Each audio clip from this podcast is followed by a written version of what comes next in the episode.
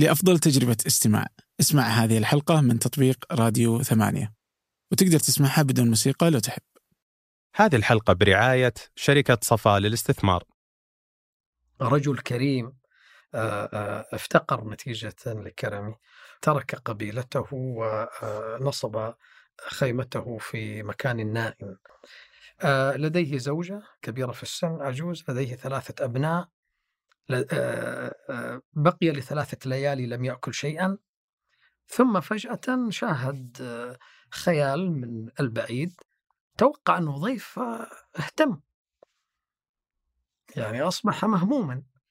كيف سيستقبل هذا الضيف؟ كيف سيكرمه؟ ليس لديه شيئا. ابنه يعرف طبيعة أبيه فاقترح على أبيه أن يذبحه. أهلا. هذا فنجان من ثمانية. وأنا عبد الرحمن أبو مالح. كل مرة أسمع الحياة الفطرية ما يجي ببالي أي شيء ممتع أو يثير اهتمامي. لكن هذه الحلقة بتغير نظرتك عن الموضوع زي ما غيرت نظرتي. علاقة الإنسان بالحيوان علاقة العربي بالحيوان. تخيل نتكلم عن كيف كان يتعاطى العربي مع الحيوانات حوله ونفصل فيها.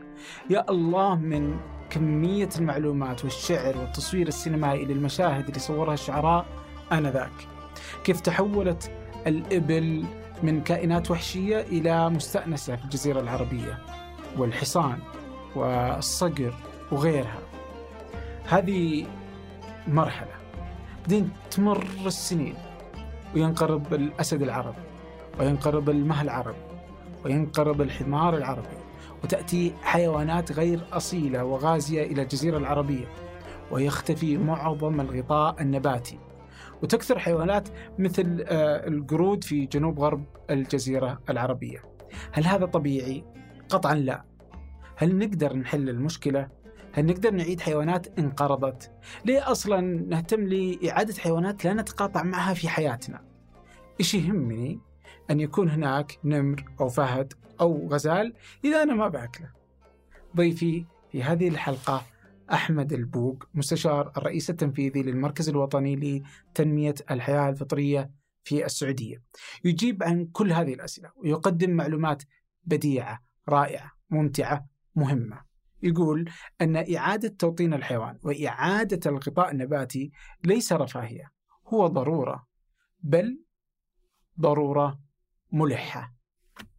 قبل أن نبدأ اقترحوا ضيوفا أو مواضيع للحديث عنها في فنجان على بريد البرنامج فنجان آت ثمانية كوم أما الآن لنبدأ. يا أهلا. وسهلا. الله يعافيك. الله يعطيك العافية. كيف الأمور؟ الأمور طيبة. قلت إنه غرفة باردة. آه. يقول لي أيمن ما عليك. هو تعود على أشياء أصعب يعني. معتاد على البر وش اللي وش اللي خلاك أصلا تدخل هذا الجو جو الحيوان و... وإنك تدرسه حتى حتى لما أقول إنك تدرسه ما أدري وش الجامعة اللي تدرس وش الكلية؟ كلية آه، أحياء. كلية علوم قسم أحياء. آه. وفي علم حيوان وعلم نبات و... و microbiology يعني بالعادة يعني. درستها في آه أنا درست سعود؟ في جامعة الملك عبد العزيز. آه قسم علم الحيوان في كلية العلوم. قسم الاحياء والبكالوريوس والماجستير والدكتوراه قطعت فيها الشوط طويل ما بين اليابان والمملكة. وبعدين تدبست في إدارة المركز آه، الأمير سعود الفيصل بالطائف فتوقفت آه، في المرحلة الأخيرة. وبعدين ما عاد أصبحت شيء ذا أهمية كبرى لأنه أصبح العمل والمنجز والأبحاث والدراسات بس وش اللي خلاك تدخل أصلا؟ لعلم الحيوان تحديدا. يعني ما كانوا معارضين أهلك وقتها؟ لا أبدا يعني وش الوظيفة المتوقعة من دخول يعني والله أنا يعني أزعم أنه الوالد الله يرحمه كان ديمقراطي جدا يعني. لدرجة مفاجئة. يعني إنه وين ما تبي روح. يعني وعنده مبدأ يعني إذا كبر ولدك خوي. روح اختار مكان اللي تجد نفسك فيه. وأنا أعتقد إنه هذا صحيح يعني بالرغم إنه تعليمه بسيط جدا والد الله يرحمه إلا إنه متشرب بحكمة الحياة وبعدها ومفاهيمها الأساسية.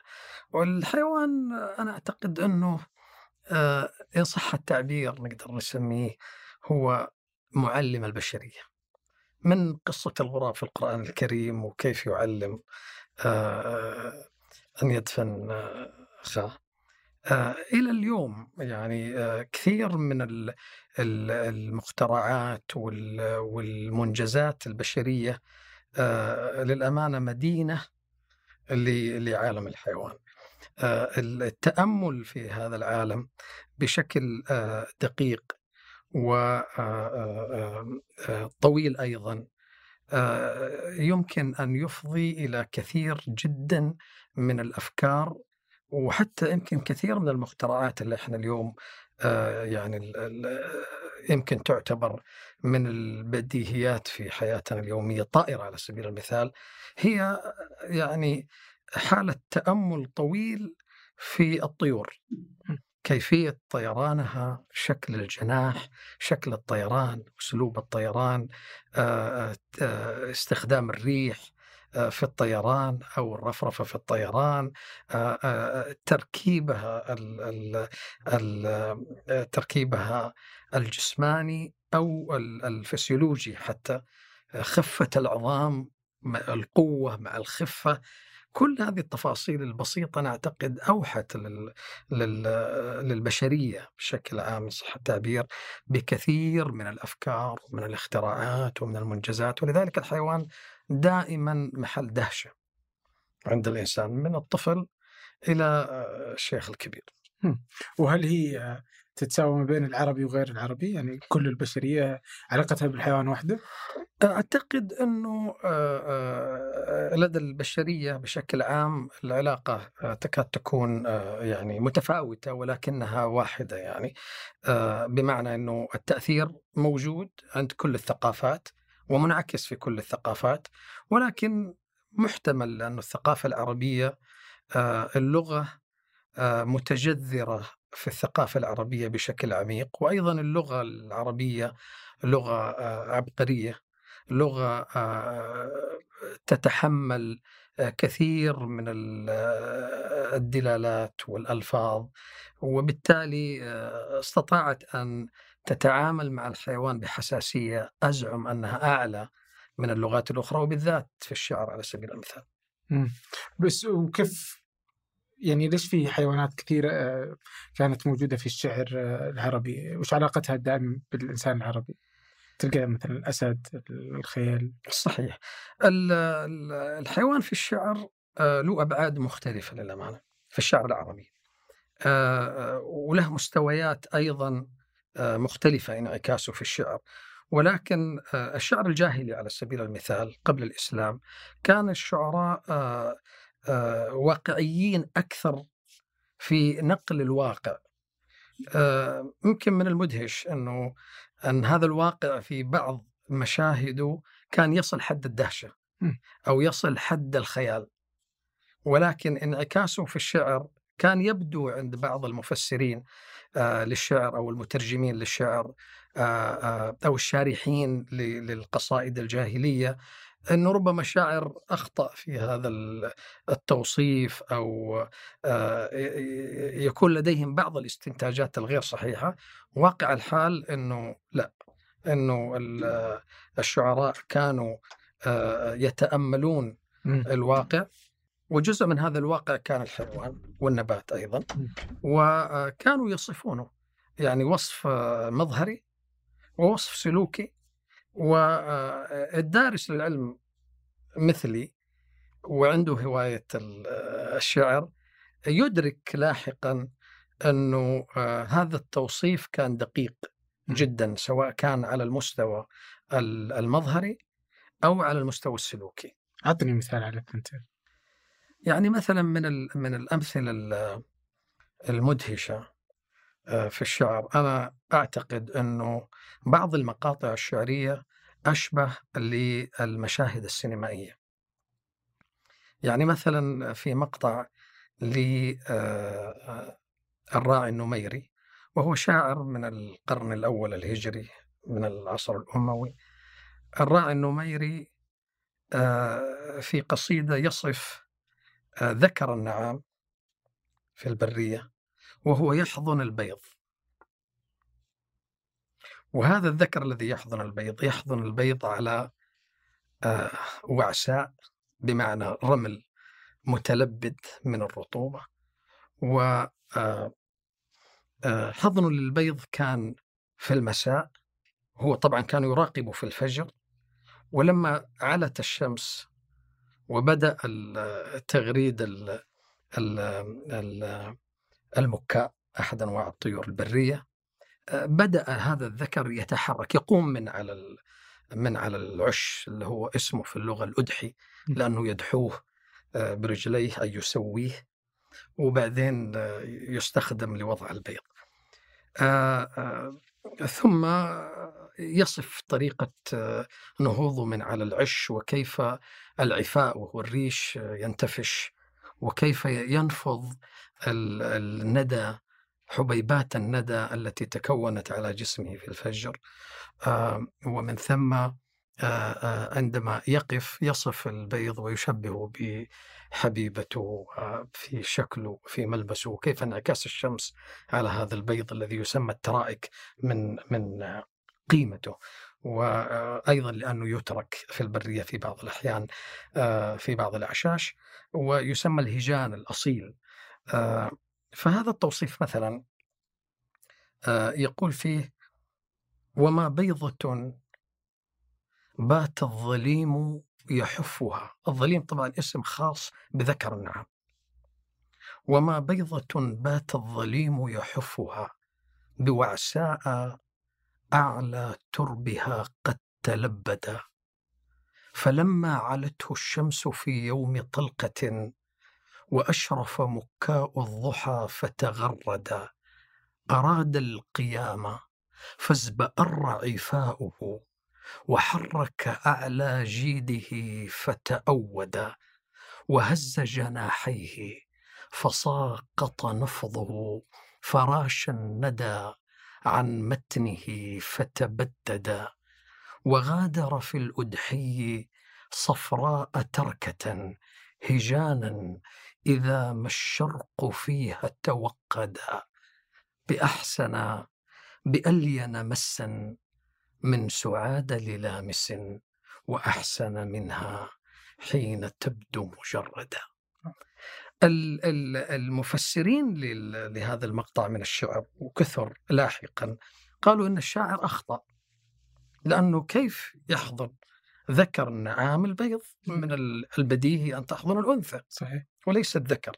واقع الحال الواقع العلمي المشاهدات السلوكية للنعام في بيئته الطبيعية أن الذكر يتناوب مع الأنثى في حضن البيض. والمدهش أكثر أنه ذكر النعام ريشه آه، لون الريش عنده أسود. وأطرافه أبيض. والأنثى لونها رمادي. ولذلك لأنه لون ريش الذكر أسود فهو يمتص الحرارة ولذلك هو يحضن بالليل وفي الصباح الباكر. بينما الأنثى تحضن في الأوقات الأخرى اللي امتصاص الحرارة يكون أقل مما هو عند الذكر.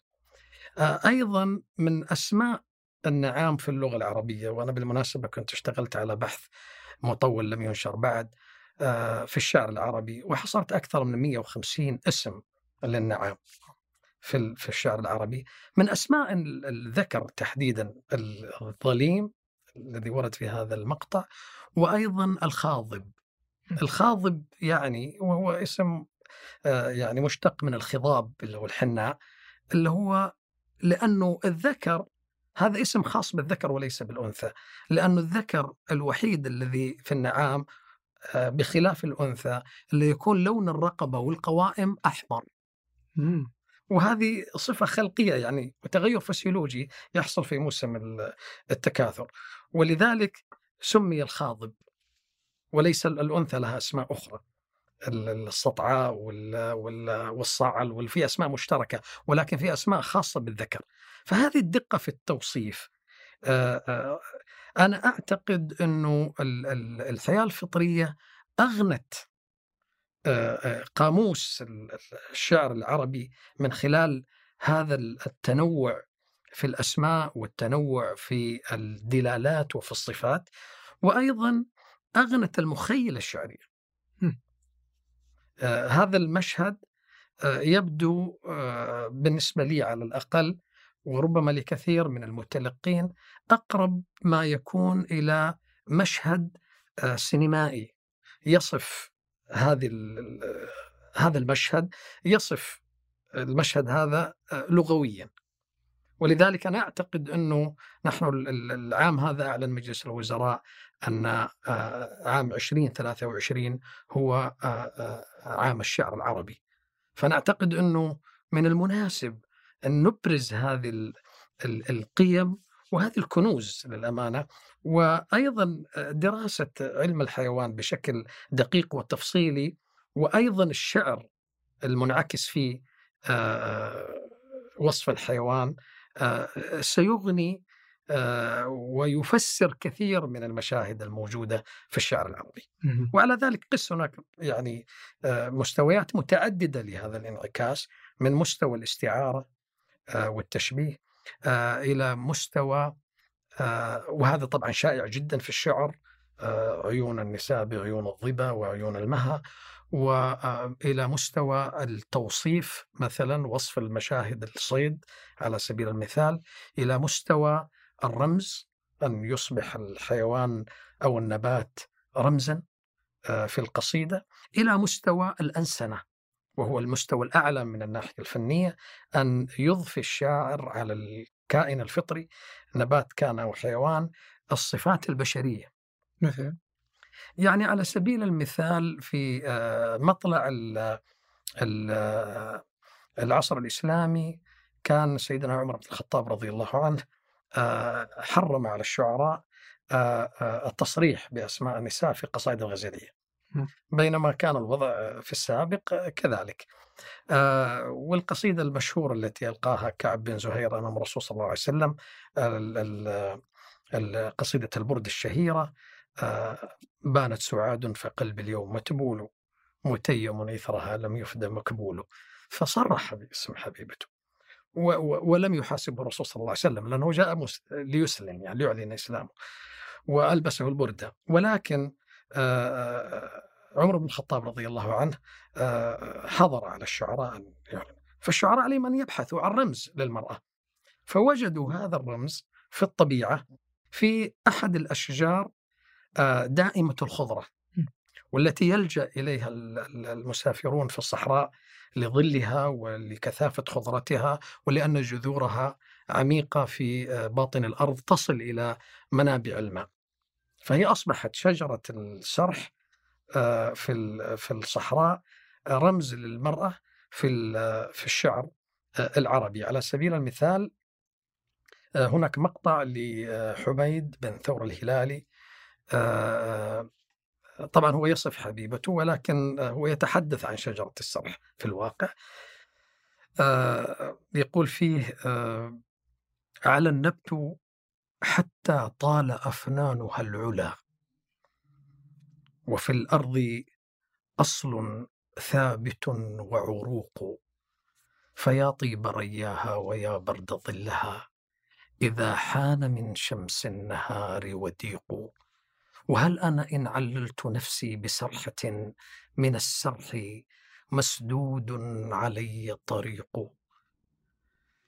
حمى ظلها شكس الخليقة خائف عليها غرام الطائفين شفيق فلا الظل منها بالضحى تستطيعه ولا الفيء منها بالعشي تذوق وما وجد مشتاق أصيب فؤاده. أخي شهوات بالعناق لبيق بأكثر من وجدي على ظل صرحة من السرح. إذ أضحى علي رفيق تحسين جودة حياتك يبدأ بتحسين محيطك بالبناء المتقن والعناصر الجمالية والتقنية الذكية. صفا للاستثمار تضمن لك حلول سكنية مبتكرة ومتنوعة بأعلى جودة وفخامة. اعرف أكثر من خلال الرابط في وصف الحلقة.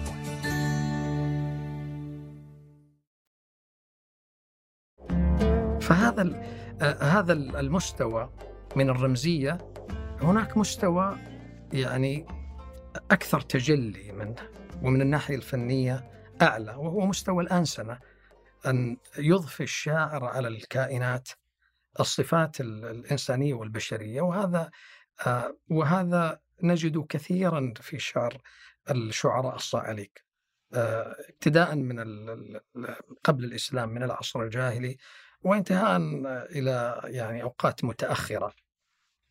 يعني ربما الأشهر من الشعراء الصاعليك الشنفرة شعراء العصر الجاهلي والشنفرة لديه قصيدة شهيرة جدا قصيدة لامية العرب.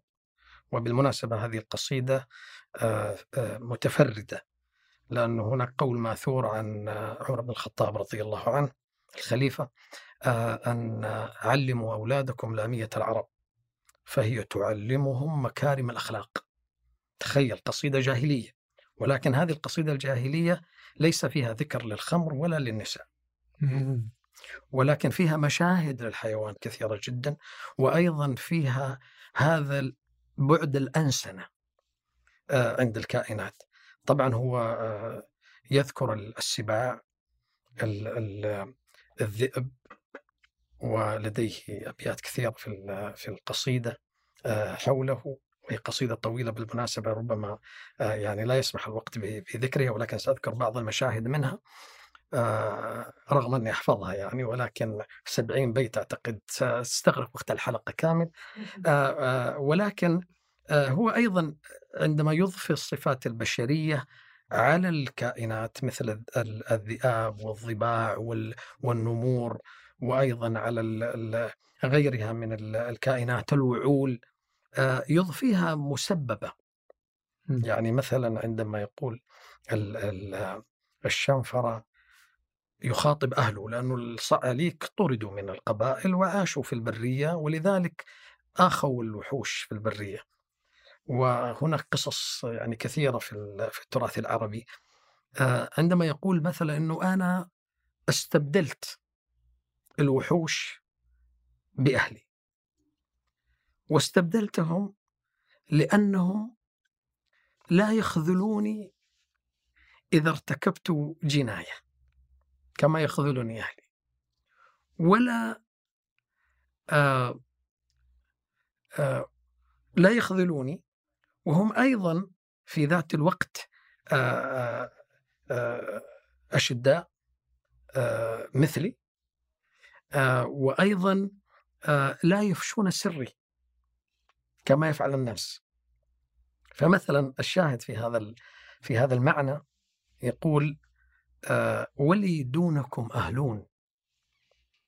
ولي دونكم أهلون سيد عملس وأرقط زهلول وعرفاء جيئل السيد العملس هو الذئب.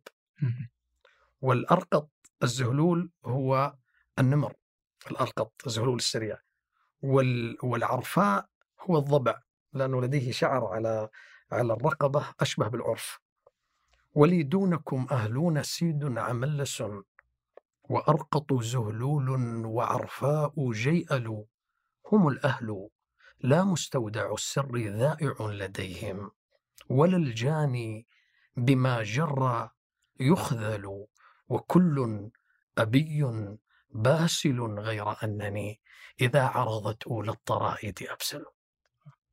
وأيضا يعني في قيم عالية جدا في في الشعر العربي وربما في الشعر الصعيدي وفي هذه القصيدة على وجه الخصوص. مثلا عندما يقول وإن مدت الأيدي إلى الزاد لم أكن بأعجلهم إذ أجشع القوم أعجلوا وما ذاك إلا بسطة عن تفضل عليهم وكان الأفضل المتفضل. أو عندما مثلا يقول آه لعمرك ما بالأرض ضيق على امرئ سرى راغبا أو راهبا وهو يعقل. آه أديم مطال الجوع حتى أميته. بالمناسبة هذه حقيقة علمية. إذا كان الإنسان جائع وصبر على الجوع ينكسر الجوع. أديم مطال الجوع حتى أميته وأضرب عنه الذكر صفحا فأذهل وأستف ترب الأرض. كي لا يرى له علي من الطول امرئ متطول ولولا اجتناب الذأم لم يلف مشرب يعاش به إلا لدي ومأكل ولكن نفسا مرة لا تقيم بي على الضيم إلا ريثما أتحول آه. الله يعني حتى في نهاية القصيدة يتحدث عن استئناس الأراوي وهم إناث الأروى هي أنثى الوعل الجبلي. وبالمناسبة الوعول حساسة جدا للوجود البشري ولكن من كثر ما ألفت الشوفرة اعتادت عليه وكأنه ذكر من ذكور الوعول. أوه. فأصبحت تحوم حوله. وحساسيتها مع البشر؟ حساسيتها مع البشر في العادة البرية عالية جدا. ما لم يستأنسها الإنسان. لكنها في البرية ستنفر من مسافات بعيدة من البشر. ومما يدل أنه, إنه اعتادت على الشنفر إلى درجة عالية آه آه فيصف ذلك آه ترود الأراوي الصحم حولي كأنها عذارى عليهن الملاء المذيل ويركضن بالآصال حولي كأنني من العصم أدفى ينتحي الكيح أعقل. طبعا العصم هو اسم لذكر آه لذكور الوعول وأيضا للوعول وتسمى العصم لأن قوائمها فيها اللون الأبيض والأسود. وهذا وهذه الصورة متكررة لاحقا في صدر الإسلام عند عبيد آه، بن أيوب العنبري في وصف الظباء لأنه طبعا كصعلوك هارب في البرية فلما هجت منه الظباء كان يخاطبها أنه أنا آه، يعني إنسان مسالم وأنا أيضا ابن بلدة وبيني وبينكم يكاد يكون نسبا بالرغم أنه حالي من النحالة أكاد لا أرى. فمثلا عنده وصف جميل جدا آه، في هذه الأنسنة. حتى أنه يأكل نفس أكل الظباء الشري وهو نبات الحنظل وزهور الشري كذلك. آه، آه، العبيد رائع في في شعره وهو من الصعاليك في في صدر الإسلام. يقول في هذا المشهد أذقني طعم الأمن. أو سل حقيقة علي فإن قامت ففصل بنانية. قطعت فؤادي فاستطير فأصبحت ترامى بي البيد القفار ترامية كأني وآجال الظباء الآجال القطعان. كأني وآجال الظباء بقفرة. لنا نسب ترعاه أصبح دانيا. رأينا ضرير الشخص يظهر تارة ويخفى مرارا ناحل الجسم عارية فأجفلن نفرا. ثم قلنا ابن بلدة قليل الأذى أمسى لكن مصافية. ألا يا ظباء الوحش لا تشمتن بي وأخفينني قد كنت فيكن خافية. أكلت عروق الشري معكن فالتوى بحلقي نور القفر حتى وراني. وقد لقيت مني السباع بلية وقد لاقت الغيلان مني الدواهي ومنهن قد لاقيت ذاك. فلم أكن جبانا إذا هول الجبان اعتراني. أذقت المنايا بعضهن بأسهمي وقددن لحمي وامتشقن ردائي فما زلت مذ كنت ابن عشرين حجة أخ الحرب مجنيا علي وجانيا يا الله. يا وصف بديع جدا. طيب وش علاقة ال... يعني إذا أخذناها هذا على الجانب الشعري بدي أعرف علاقة العربي أصلا مع الحيوان؟ هل كانت علاقة لأنه يبغى يعيش فيأكل منها ولا علاقة استئناس بها ولا علاقة ألفة ولا علاقة حاجة في التنقل. وش كانت طبيعة حاجة الإنسان العربي للحيوان؟ في تقديري أنه لولا الحيوان لم تكن حياة العربي ممكنة في شبه الجزيرة العربية. واو.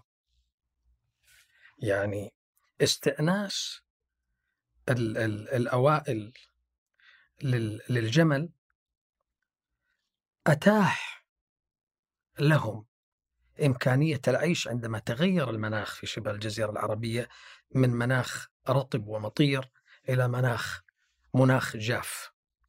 وهذا المناخ الجاف التنقل فيه غير ممكن بالخيول. ال- ال- الجمل وصفته كسفينة للصحراء يستطيع الصبر عن عن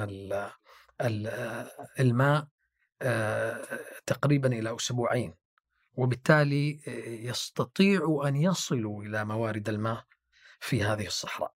فالجمل بالمناسبة كان حيوانا بريا وال- والنقوش الصخرية آه، المنتشرة في شبه الجزيرة العربية في المملكة على وجه الخصوص تثبت ذلك. وش تقصد إنه حيوان بري؟ حيوان بري لم يكن مستأنسا كان بريا.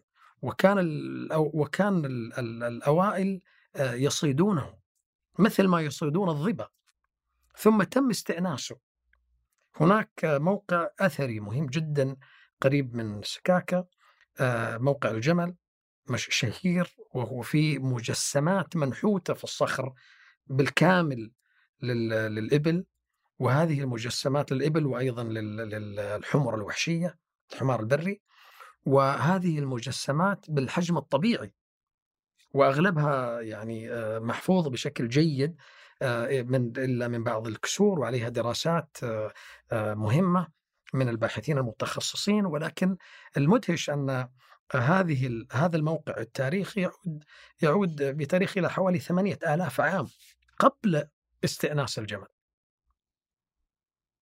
قبل استئناس الجمل. ولذلك الجمل كان حيوانا بريا. تم استئناسه فأصبحت عندما تغير المناخ وأصبح مناخا جافا في شبه الجزيرة العربية وهذه بالمناسبة دورة طبيعية آه، آه، أصبح ال- ال- ال- الجمل الذي استؤنس هو وسيلة ال- ال- العربي في التنقل وفي التجارة وفي الحياة آه، بشكل عام. وفي نفس الوقت الكائنات الأخرى التي لم تستأنس هي مصدر للغذاء. يعني لم يكن الصيد مثلا آه، قديما هناك أخلاقيات عند عند العرب في الصيد. الصيد هو لحاجة. يعني يصيد كائنا بريا ليتغذى عليه لأنه محتاج أن يتغذى عليه. آه، و- وربما هي تكاد تكون أقرب لهبة من السماء أن أن أن يحظى بصيد ثمين وهذا منعكس عند آه، في في في أجمل تجلياته عند آه، الحطيئة وهو شاعر آه، مخضرم من قبل الإسلام وأسلم ولديه آه، آه، نصا جميلا جدا آه، يصف فيه رجل كريم آه، آه، افتقر نتيجة لكرمه فترك قبيلته ونصب خيمته في مكان نائم. وهذا المكان قريب من نبع. آه، ف آه، ولأنه كريم لا يحتمل أن يمر به ضيف دون أن يكرمه ولكن ليس لديه شيء ليكرم الضيوف لو مر ولذلك ابتعد في مكان نائي في البرية. آه، لديه زوجة كبيرة في السن عجوز لديه ثلاثة أبناء بقي لثلاثة ليالي لم يأكل شيئا ثم فجأة شاهد خيال من البعيد توقع أنه ضيف آه، اهتم. يعني أصبح مهموما.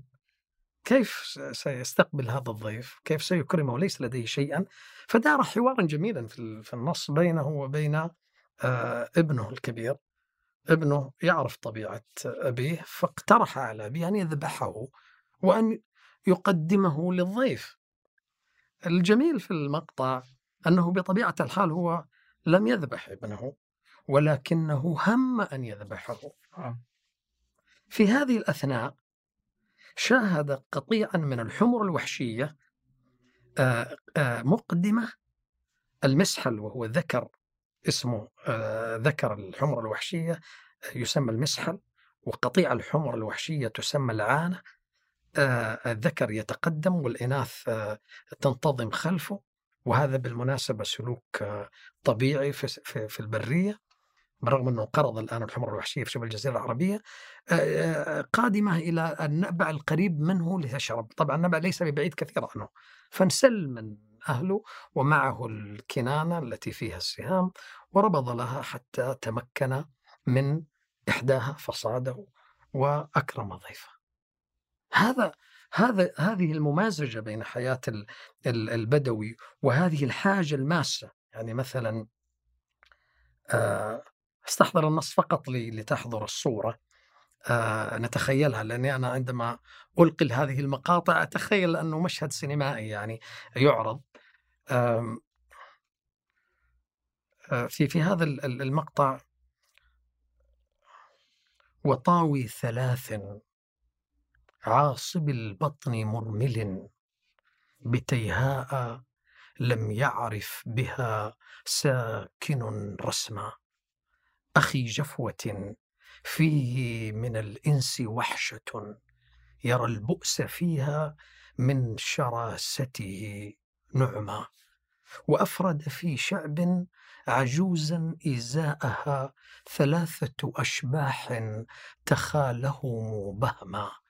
حفاة عراة ما اغتذوا خبز ملة ولا طعموا للبر مذ خلقوا طعما رأى شبحا وسط الظلام فراعه فلما بدا ضيفا تسور واهتم.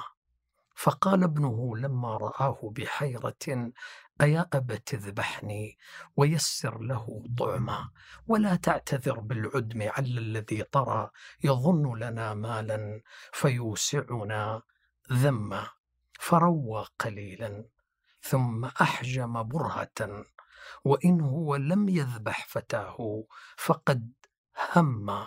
وبينهما عنت على البعد عانة قد انتظمت من خلف مسحلها نظما عطاشا تريد الماء ظماء تريد الماء فانساب نحوها.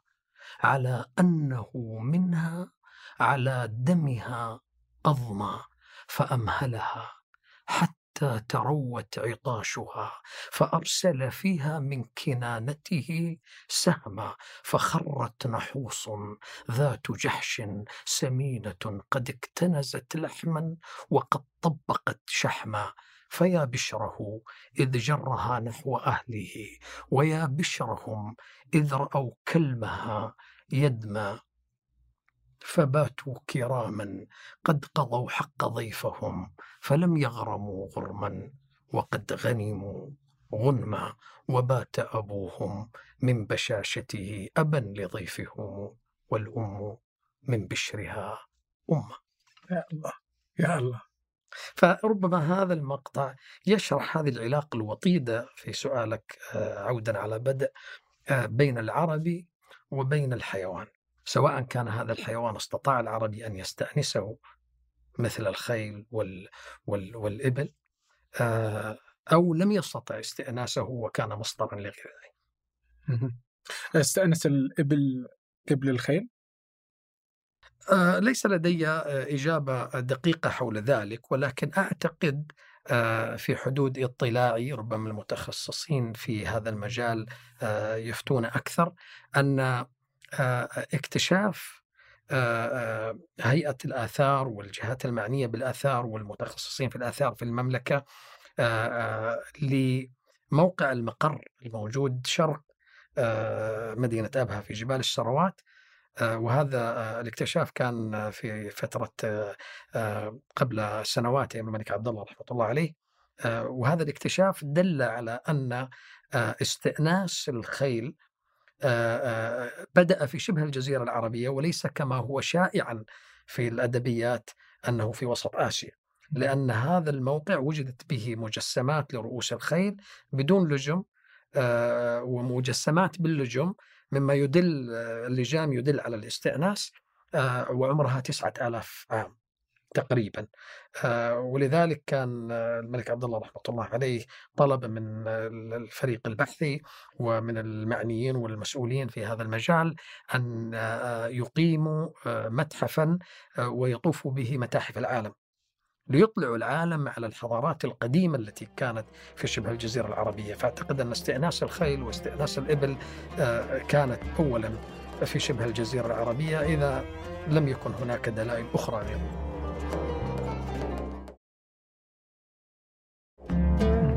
بالنسبة للصقر. حتى الصقور. بالمناسبة رياضة الصقارة هي رياضة آه، منتشرة آه، في آه، وسط آسيا وممتدة آه، في آسيا إلى شبه الجزيرة العربية. ولكن لدينا دلائل أن رياضة الصقارة بالمناسبة في هذا الموقع الذي ذكرته آنفا هناك أدلة على استخدام الصقور في الصيد. وهناك أدلة على أن هذه الرياضة ترجع إلى 12 ألف عام في شبه الجزيرة العربية. مما يعني أن هذه ال ال أن استخدام الصقور في الصيد أو الصقارة هي حاجة ورياضة. تحولت لاحقا أصولها عريقة وقديمة في شبه الجزيرة العربية. ومن فضل الله أن أن قبل سنوات بسيطة أعلن أسس نادي الصقور ونادي الإبل أيضا. ونادي الصقور لديه نشاطات كثيرة مخصصة ومتعلقة بالصقور والاعتناء بالصقارين وعددهم كبير جدا في المملكة. وأيضا لديهم عناية خاصة بالصقور وتعاون كامل بين نادي الصقور وبين المركز الوطني لتنمية الحياة الفطرية بما في ذلك المحافظة على بعض الأنواع المهددة بالانقراض وحظر الأنواع المهددة من الاستخدام وإغناء المواكر ولدى نادي الصقور يعني في تجربة مهمة جدا برنامج يسمى برنامج هدد. هذا البرنامج تعاونوا فيه مع المركز الوطني لتنمية الحياة الفطرية وكانت فكرته مبنية على إغناء المواكر آه، التي آه، آه، إما أنها أصبحت خالية أو أصبح فيها ذكر فقط بدون الأنثى أو أنثى بدون الذكر فكان البرنامج هو في إعادة إحياء هذه المواكر وإعادة الحيوية لها. وهذا البرنامج كان له بروتوكول أجازه المركز الوطني لتنمية الحياة الفطرية وتم تنفيذه بشكل احترافي آه، جيد من آه، من نادي الصقور. وحصل على إشادة من الاتحاد العالمي للمحافظة ال IUCN وحضرنا احتفال لتسليمهم شهاده تقدير في فرنسا المركز كان موجودا مع نادي الصقور في في هذا في هذه الاحتفالية وهذا شيء نفخر ونتشرف به.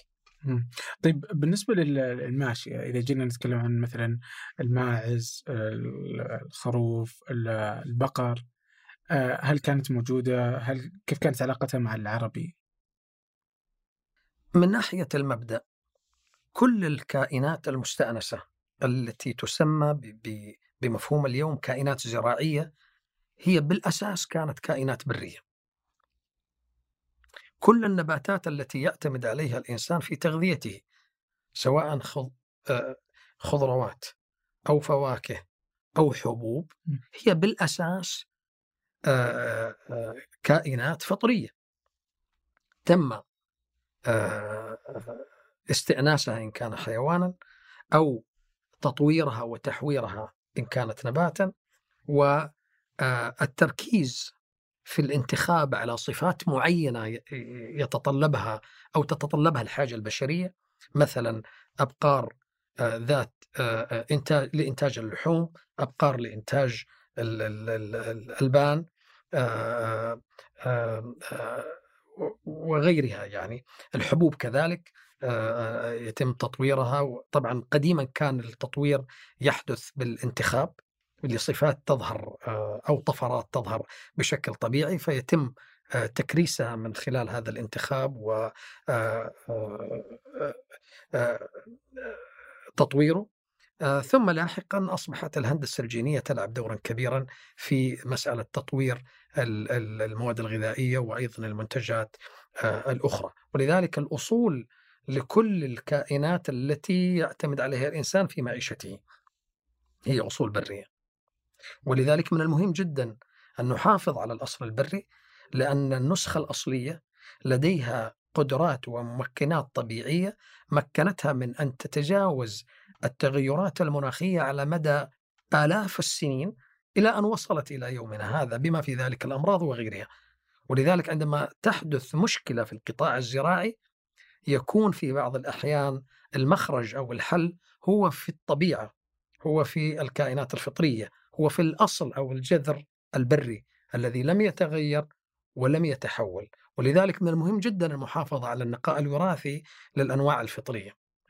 يعني ليس هناك آه، في في المفهوم الحياة الفطرية يجب أن تحافظ على الأنواع فطريا بمعنى وهذه اللفظة بالمناسبة عودا على بدء في اللغة العربية لفظة عبقرية بمعنى أنه باللغة الإنجليزية آه، آه، الحياة الفطرية تسمى ال wildlife. ولما آه، نرغب التعبير عن الحياة البحرية نقول ال marine life ولكن في اللغة العربية نقول الحياة الفطرية سواء كانت في البر أو البحر أو الجو لماذا؟ لأن لفظة الفطري تعني الكائن كما أوجده الله كما خلقه الله. على فطرته. على فطرته.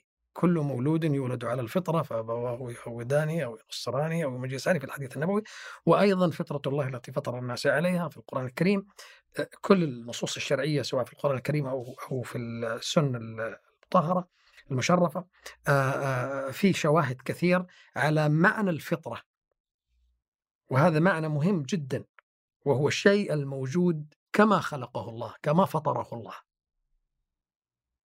وهذا مهم جدا لأنه آه، أي نوع يتم تهجينه لا يصلح أن يكون نوعا بريا ولا ينبغي إعادة آه، توطينه. هذا أصبح نوع هجين يمكن أن يصلح لل- للجانب الزراعي للاستثمار البشري ولكن ليس للاستعادة في البرية أو استعادة النظم الطبيعية لحيويتها. هل في فرق بين الحياة الفطرية والبرية؟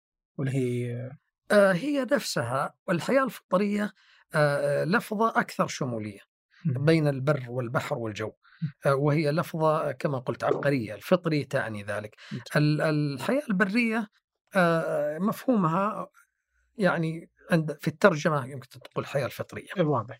طيب ودي أعرف مثلا ال- البقرة في شكلها البري أو الفطري وش هو؟ آه، هي أيضا أنا أقدر أتخيلها الآن. نعم. أنت تقول هذا مو بأصلها الحقيقي. نعم.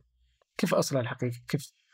الأصل الحقيقي آه، آه، آه، يمكن أن تشاهدوا في الكائنات الفطرية التي لم يطرأ عليها أي تغيير بشري أو تدخل بشري في صفاتها. على سبيل المثال كلنا نعرف في أفريقيا الجواميس البرية. هذا الجاموس بري ولكن هناك جواميس زراعية موجودة في معظم المناطق الزراعية والجواميس تحتاج مياه.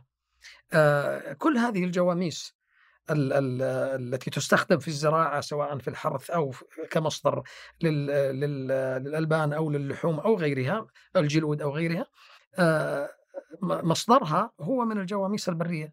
وهذه الجواميس البرية التي نعرفها في أفريقيا ونشاهدها في الأفلام الوثائقية هذا هو الأصل البري. نتحدث عن عن ال- ال- الحمار المستأنس. الحمر البرية الوحشية طبعا الحمر الوحشية التي كانت في شبه الجزيرة العربية ليست الحمار المخطط. آه. شيء مختلف. شيء مختلف تماما. شكلها؟ آه، شكلها مثل الحمار العادي ولكن لونها أميل للون الأحمر. آه، يعني لون البني الفاتح ال- المحمر مع وجود خط داكن من الشعر من أعلى الرأس وامتدادا آه، لكامل الظهر إلى الذيل. هذا انقرض. هذا انقرض من شبه الجزيرة العربية ولكن لا زال موجود حمر وحشية طبعا آه، آه، تحت أنواع عديدة في الهند على سبيل المثال وهو الأقرب الذي كان في شبه الجزيرة العربية وهو من الأنواع المحتمل استعادتها لأنها لا زال هذا الأصل البري موجودا. طبعا في نظام آه، إعادة التوطين يجب ألا تعيد كما أسلفت توطين أي نوع هجين. ولكن إذا النوع انتهى تماما. آه، وسأضرب مثالا عليه في المملكة. آه، فإننا آه، من الممكن أن نستعيد أقرب تحت نوع لتحت النوع الذي كان موجودا في شبه الجزيرة العربية وانقرض. أو نستعيد أقرب نوع للنوع الذي كان في شبه الجزيرة العربية وانقرض. ولكن يجب أن يكون صافيا من الناحية البرية. وهنا يكون التركيز لاستعادة دور هذا النوع في النظام البيئي. وليس المحافظة على النوع. على سبيل المثال كان يوجد في شبه الجزيرة العربية النعام وسبق أن ذكرنا آه، شواهد في الشعر على النعام. النعام الذي كان موجودا في شبه الجزيرة العربية هو النعام أحمر الرقبة وهو موجود في شرق أفريقيا. ولكن تحت النوع الخاص بشبه الجزيرة العربية الذي انقرض تقريبا في الستينيات. آه حديث حديثا نعم. آه، مع الأسف يعني. وهناك بعض الصور حتى له آه، كان نوعه من النعام أحمر الرقبة ولكن كان تصنيفه العلمي Struthio camelus syriacus نحن عندما فكرنا في استعادة النعام في شبه الجزيرة العربية واستعادة دوره في النظام البيئي النسخة الأصل انتهت مع الأسف. فأحضرنا الأقرب لها وهو الموجود في شرق أفريقيا نعام أحمر الرقبة أيضا نفس النوع ولكنه تحت نوع مختلف تصنيف العربي كان ال Struthio camelus syriacus الذي أحضرناه Struthio camelus camelus. وتم إكثاره في مركز الأمير سعود الفيصل وهو أحد المراكز التابعة للمركز الوطني لتنمية الحياة الفطرية. وتمت استعادته وإعادة توطينه في محمية آه الإمام سعود آه بن عبد العزيز التي كانت تسمى محاسة الصيد سابقا. وبالمناسبة هذه من أنجح برامج إعادة التوطين للنعام في المملكة. كانت في هذه المحمية واستطعنا بفضل الله وبفضل الجهود التي بذلت من تأسيس مجموعات متكاثرة ذاتيا في البرية. وهذا هو الهدف من برامج إعادة التوطين. وكم وصل عددها؟ آه وصلت في بعض المراحل إلى المئات داخل المحمية. ولكن آه مسألة العدد ليست جوهرية في آه برامج إعادة التوطين والاستعادة وش الجوهر؟ الجوهر هو أن تتكون مجموعات متكاثرة ذاتيا ومستدامة ماذا يعني مستدامة؟ متكاثرة ذاتيا أن تتكاثر بدون تدخل بشري ومستدامة أن تكون متوازنة مع الكفاءة الرعوية في المنطقة المطلقة فيها يعني من غير المنطقي أن تكون لدي محمية مثلا مساحتها ألف أو ألفين أو خمسة ألاف كيلو متر مربع وكفاءتها الرعوية لا تتسع لأكثر أو لا تحتمل وش تقصد الكفاءة الرعوية؟ الكفاءة الرعوية قدرة المرأة على إعالة هذه القطعان لأنه من أين سيأكل؟ إذا كان متكاثر ذاتيا معناته بدون تدخل بشري. إذا يجب أن يجد غذاءه و... و... واحتياجاته الطبيعية للحياة وللاستدامة من البرية. فسيعتمد على النباتات البرية. إذا كانت وفرة النباتات في هذه المنطقة المحمية لا تتسع إلا لألف رأس. من... ستصبح مشكلة إذا كان لدي 1500 رأس صح. أو 2000 رأس لأنه سيصبح هناك رعي جائر مثل الذي يحصل في الأغنام على سبيل المثال. يعني مشكلة الرعي الجاري أحد المشاكل البيئية الأساسية وهي بسبب كثافة الرعي أكثر من قدرة المرأة على التجدد الطبيعي وبالتالي يحصل التصحر. وانقراض كثير من أنواع النباتات. وهذه الحالة تتكرر حتى لدى الحيوانات البرية كذلك. يجب إذا أعدت التوطين هدف إعادة التوطين أو أي عملية أو أي برنامج لإعادة التوطين هدفه الأساسي هو تكوين مجموعات متكاثرة ذاتيا من هذا النوع المستهدف ومستدامة. والاستدامة تعني أن تكون الأعداد متوازنة مع الكفاءة الرعوية. لابد أن تجرى دراسات للكفاءة الرعوية للعدد الذي يمكن أن تحتمله هذه المنطقة بالذات إذا كانت آه، المنطقة مسيجة. وبعض المحميات لدينا آه، مسيجة وهي قليلة وأغلب المحميات ليست مسيجة. والأصح هي أن لا تكون مسيجة وأن آه، الحيوانات تنتقل بحرية من مكان إلى آخر. على طبيعتها وعلى سجيتها. ومثل هذا النعام ما عاد نقدر يعني لا يصح نقول عليه نعام عربي. هو لا يصح أن نقول عليه نعم عربي لأن النعم العربي مع الأسف انقرض تماما ولكنه نفس النوع وتحت نوع آخر هناك اختلافات بسيطة ولكن أستطيع أن أقول إنه النعام العربي كان قريبا جدا ربما بنسبة 95% أو أكثر إلى هذا الذي استعدنا. طيب وش فيه من الحيوانات الثانية اللي انقرضت في الجزيرة العربية؟ أو شبه الجزيرة العربية؟ آه، آه، عندنا الأسد على سبيل المثال. الأسد العربي. انقرض. طبعا هل كان الأسد عربيا أو كان الأسد اسيويا؟ الآن لما ننظر لانتشار الأسود في العالم موجودة في أفريقيا الأسود وأيضا موجودة في آسيا في الهند فقط.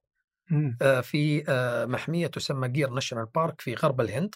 هي المكان الوحيد الذي لا زالت الأسود موجودة فيه هو الأسد الآسيوي، طبعا هو أصغر قليلا من الأسد الأفريقي ولبدته أصغر قليلا. ويتوقع إنه الأسد العربي كان إما آه، شبيها بالأسد الآسيوي أو قريبا جدا منه.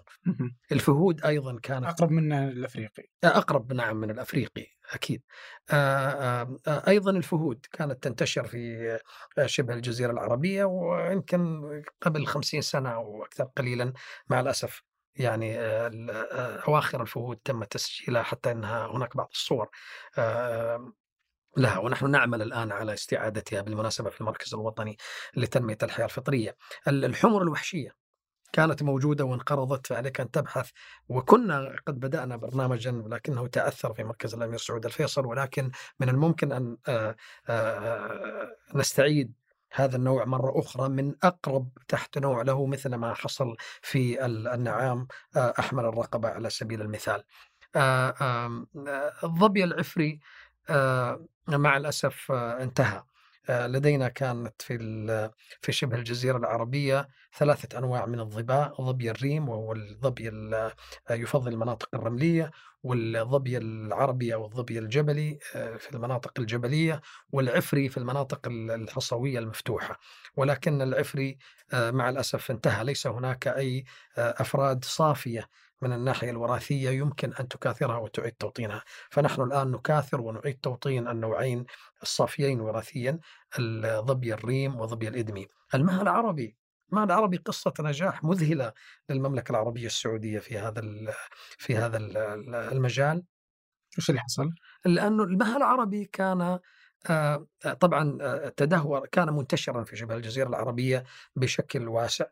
تقلص انتشاره تدريجيا نتيجة لدخول آه، السيارات رباعية الدفع والأسلحة الأوتوماتيكية آه، والأسلحة بشكل عام النارية آه، فأصبحت المعادلة غير متكافئة بين الصياد وبين المهب المها طبعا يفضل البيئات الصحراوية وانتشاره كان واسعا في الربع الخالي وأيضا في شمال صحراء النفود وفي صحراء الدهناء. كانت ترتبط المجموعات الجنوبية بالشمالية من خلال صحراء الدهناء.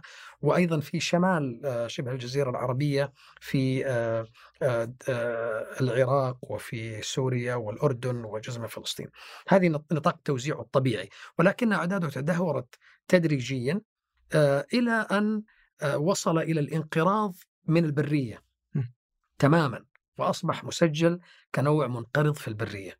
ولكن من حسن الحظ كانت هناك أفراد من المها العربي موجودة في بعض المجموعات الخاصة. وأيضا الاتحاد ال WWF الصندوق الدولي للحياة البرية أو الحياة الفطرية قام بعملية سماها عملية المها العربي في الستينيات. وجاء إلى شبه الجزيرة العربية واستطاعوا أن يمسكوا قبل الانقراض التام لأنهم شايفينه رايح إلى حافة الانقراض. فجمعوا ثلاثة أفراد رؤوس من البرية في المنطقة بين المملكة واليمن وأهداهم الملك سعود رحمة الله عليه في ذلك الوقت زوجا من المها العربي من المجموعة الخاصة التي كانت تتوافر لديه. وأيضا بعض الشيوخ في الخليج في الكويت وفي قطر أهدوا لهذا البرنامج أفراد فتكون قطيع من تسعة أفراد. تم نقلها إلى الولايات المتحدة الأمريكية وتم إخضاعها لبرنامج رعاية بيطرية ورقابة كاملة وإكثار في الأسر.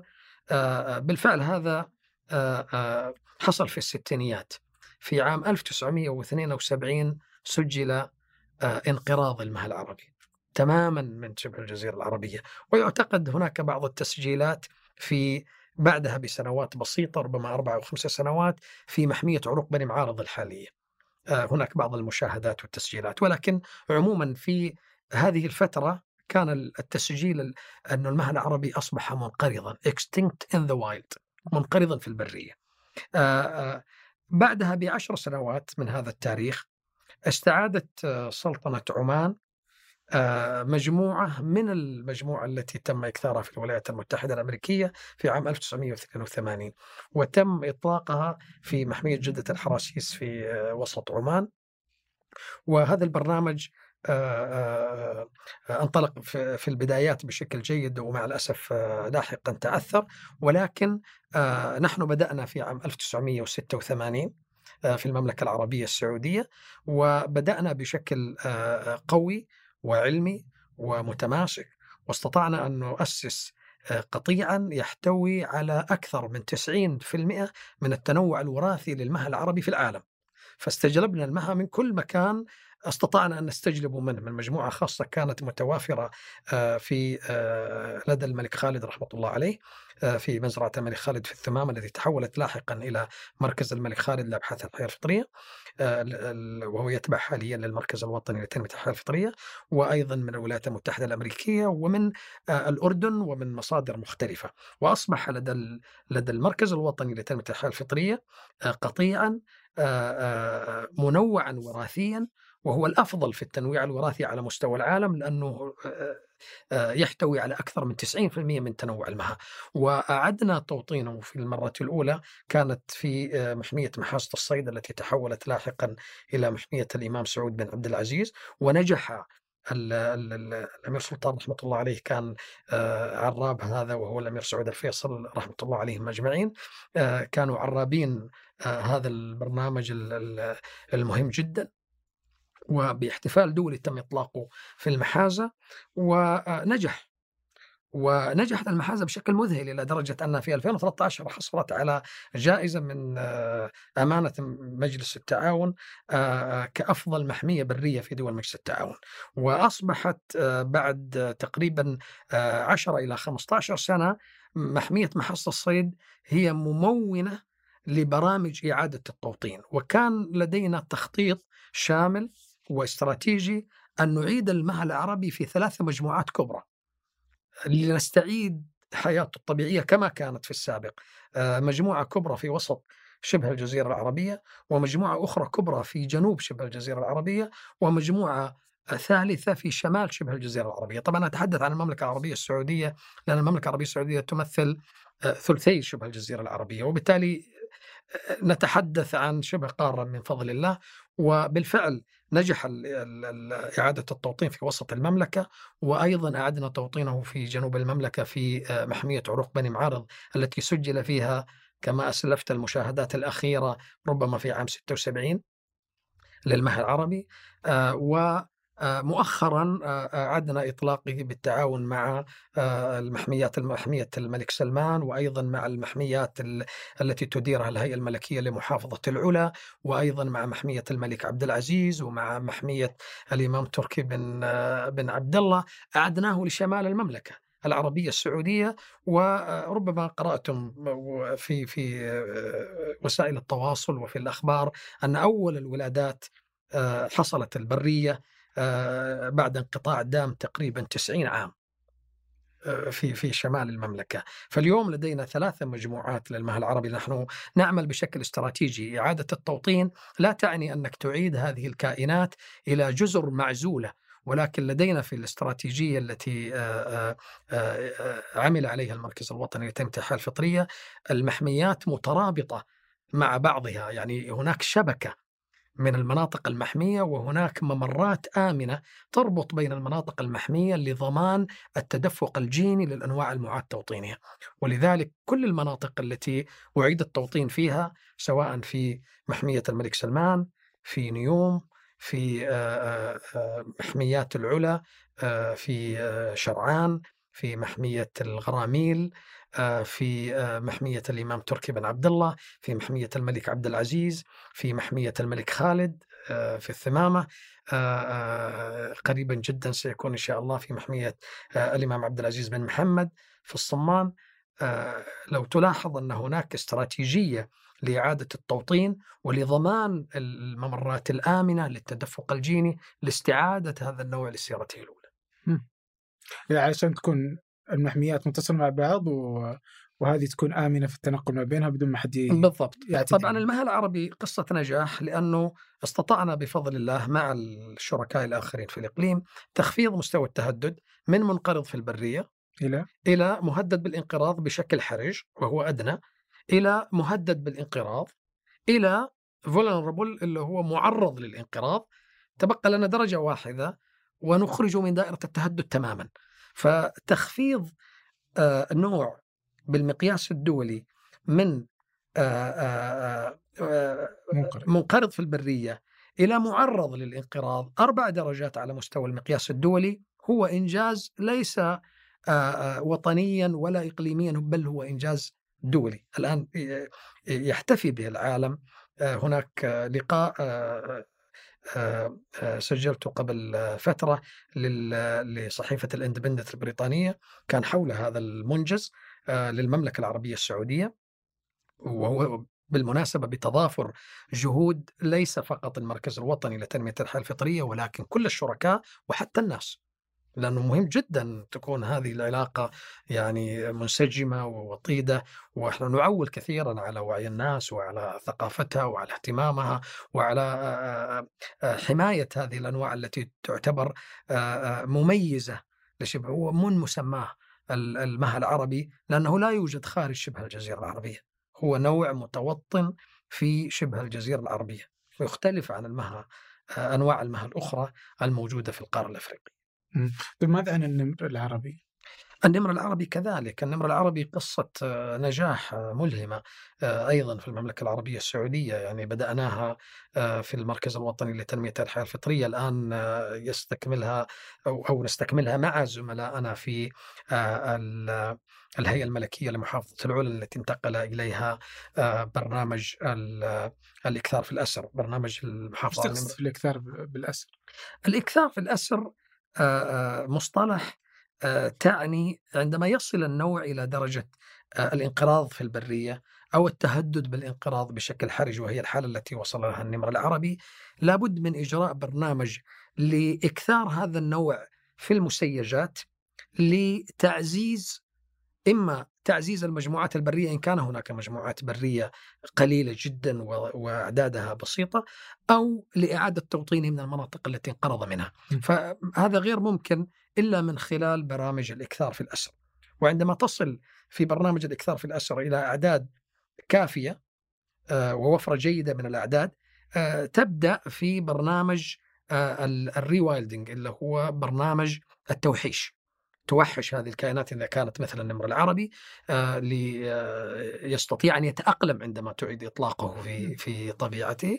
وأيضا يجب أن تؤهل البيئة التي سوف تطلق فيها أن تكون بيئة آه، من بيئاته الطبيعية تاريخيا أن تتوافر على فرائس ووفرة كافية من الفرائس سبل الحماية متوافرة آه، تثبت عليه أجهزة تعقب فضائية وأرضية ومن ثم تعيد إطلاقه و- وتدرس مدى تأقلمه في في استعادة طبيعته وحياته إلى أن تتأسس مجموعات متكاثرة ذاتيا ومستدامة.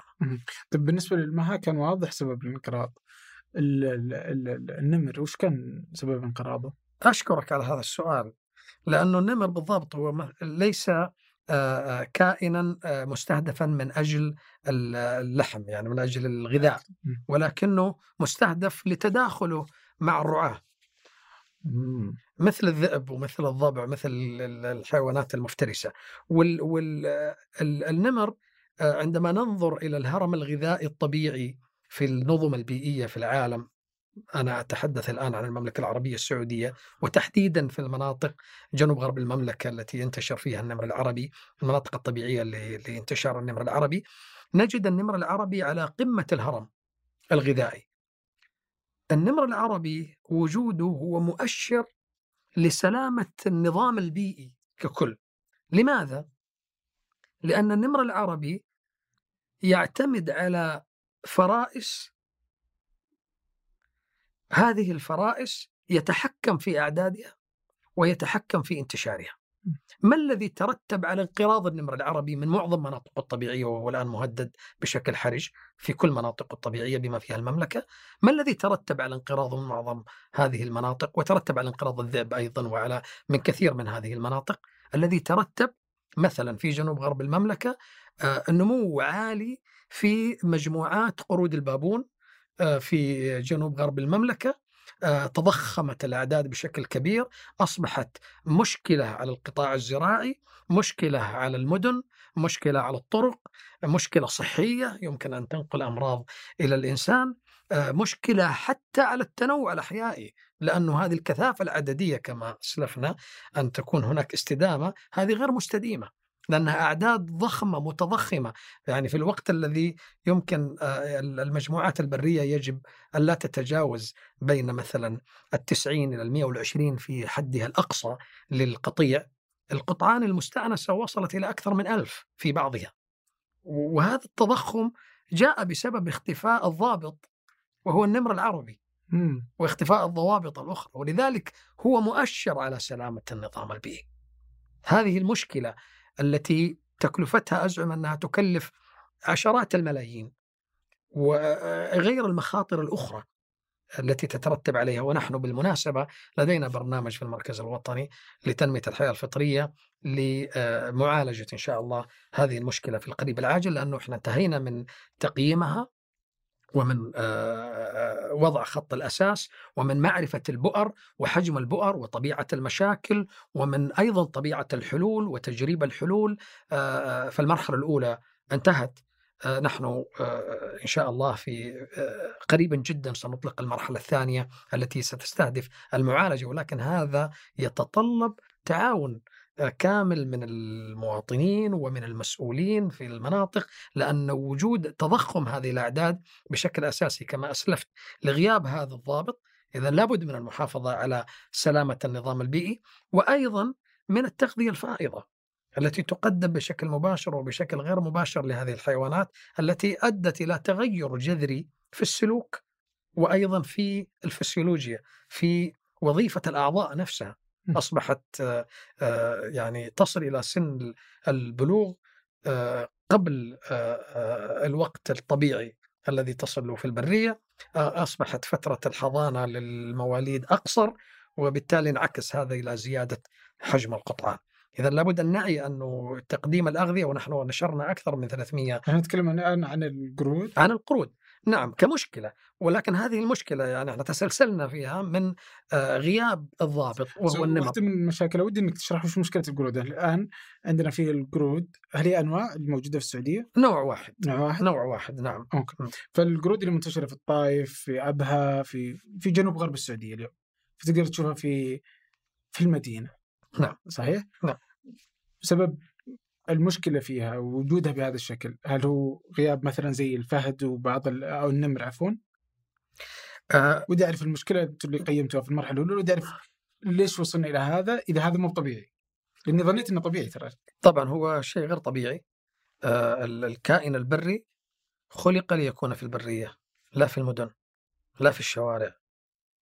لا يمنع أنه يتقاطع بعض الأحيان كما يحدث في أي مكان في العالم. يعني تشاهد الدببة أحيانا في بعض المدن في أوروبا وفي آه، كندا وغيرها تقترب الثعالب. ولكن ليس بهذا الشكل الذي نشاهده في مشاكل القرود في جنوب غرب المملكة. آه هذا هذه ظاهرة غير طبيعية. وهذه الظاهرة لها جملة من الأسباب أدت لها. من الأسباب قتل المفترسات الطبيعية وعلى رأسها النمر والنمور والذئاب والضباع والوشق وحتى بعض أنواع النسور التي تعتمد عليها من خلال التسمين. وأيضا الإطعام وهو السبب الرئيسي لتضخم الأعداد بهذا الشكل. إطعام البشر إطعام البشر لها، إطعام البشر لها له صيغتين إما بشكل مباشر للتسلية أو بشكل غير مباشر عبر ترك الأغذية لها في هذه الأماكن أو من خلال أكرمكم الله حاويات النفايات المفتوحة المتاحة وفيها الفائض الغذائي ضخم أو عبر مرامي النفايات.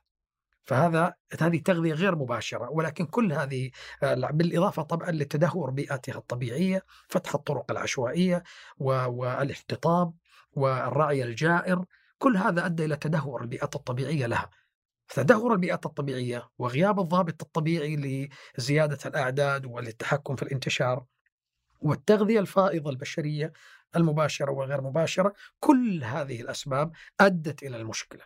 إذا ما هو الحل؟ ليس هناك حلا وحيدا للمشكلة. طالما أن هناك جملة من الأسباب أدت إلى المشكلة أيضا هناك حزمة من الحلول للمعالجة. حزمة الحلول تأتي من إيقاف أسباب المشكلة إيقاف التغذية وإيقاف مصادر الغذاء البشري المتاح والضخم الكبير عبر تعديل حاويات النفايات معالجة المرامي وغير ذلك وإيقاف التغذية وأيضا من آه، خفض الأعداد والتعقيم والإبعاد ومعالجة البيئة آه، إعادة استصلاح البيئات المتدهورة. نحن في المعالجة آه، نستهدف ثلاثة مستويات. مستوى يتعلق بالكائن نفسه البابون والقرود التي منها المشاكل ومستوى آخر يتعلق بالإنسان الذي هو مجني عليه وجانية في ذات الوقت آه، في التوعية وفي وضع تنظيمات وفي حتى أشياء كثيرة أيضا مساهمة.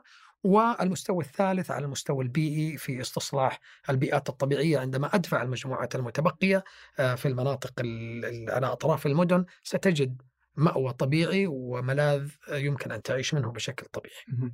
في الدكتور عبد المسند كان يقول آه، أن الحل للتخلص منها هو أن نقتل على الأقل 90% منها. وهذا صار يعني يعني ما هو بحل يعني آه، جديد يعني صار الظاهر إنه أستراليا قبل سنتين أو شيء زي كذا إنها قتلت الجمال الموجوده عندها لأنها تسبب مشكلة في آه، الحياة طبعا الفطرية. طبعا أنا أعتقد ك... كمتخصص القتل ليس حلا آه. القتل ليس حلا إذا قتلت خفضت الأعداد ولم تعمل شيئا آخر غير القتل فستنجذب مجموعات برية جديدة طالما الأسباب قائمة.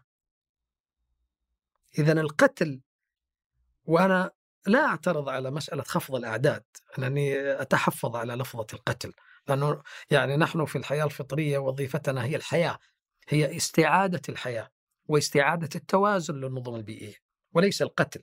ولكن خفض الأعداد خفض الأعداد المدروس والممنهج وليس بالشكل العشوائي. يعني مسألة 90% و50% وهذه لا ينبغي أن تطلق على عواهنها بهذا الشكل. هناك ظروف خاصة لكل موقع خاص. نحن الآن لدينا داشبورد لدينا خارطة إلكترونية على الشاشة موزعة عليها البؤر. كل بؤرة آه، عندما تضع عليها المؤشر سيعطيك عدد الأفراد الموجودة فيها، سيعطيك طبيعة المشكلة، سيعطيك آه، آه، المنطقة سكنية أم زراعية أم طرق، سيعطيك إذا كان وضعت فيها لوحات توعوية ولا لا، سيعطيك إذا كان تمت الاستجابة للبلاغات فيها ولا لا، سيعطيك إذا تمت المعالجات ولا لا، وهلم جرة. هذه هي الطريقة العلمية لمعالجة المشكلة. الآن المقارنة مع أستراليا على سبيل المثال اللي طرحتها ليست مقارنة سليمة لأن الجمل في أستراليا هو نوع غير أصيل غازي. بينما القرود في المملكة هو نوع أصيل. وإن كان غازيا. فإحنا لدينا أنواع أصيلة وأنواع غير أصيلة. وتسمى باللغة الإنجليزية non-native invasive species أنواع غير أصيلة غازية وبالمناسبة المركز آه، عمل على عقد ورشة بالتعاون مع المركز الوطني لتنمية الغطاء النباتي للأنواع غير الأصيلة الغازية الحيوانية والنباتية.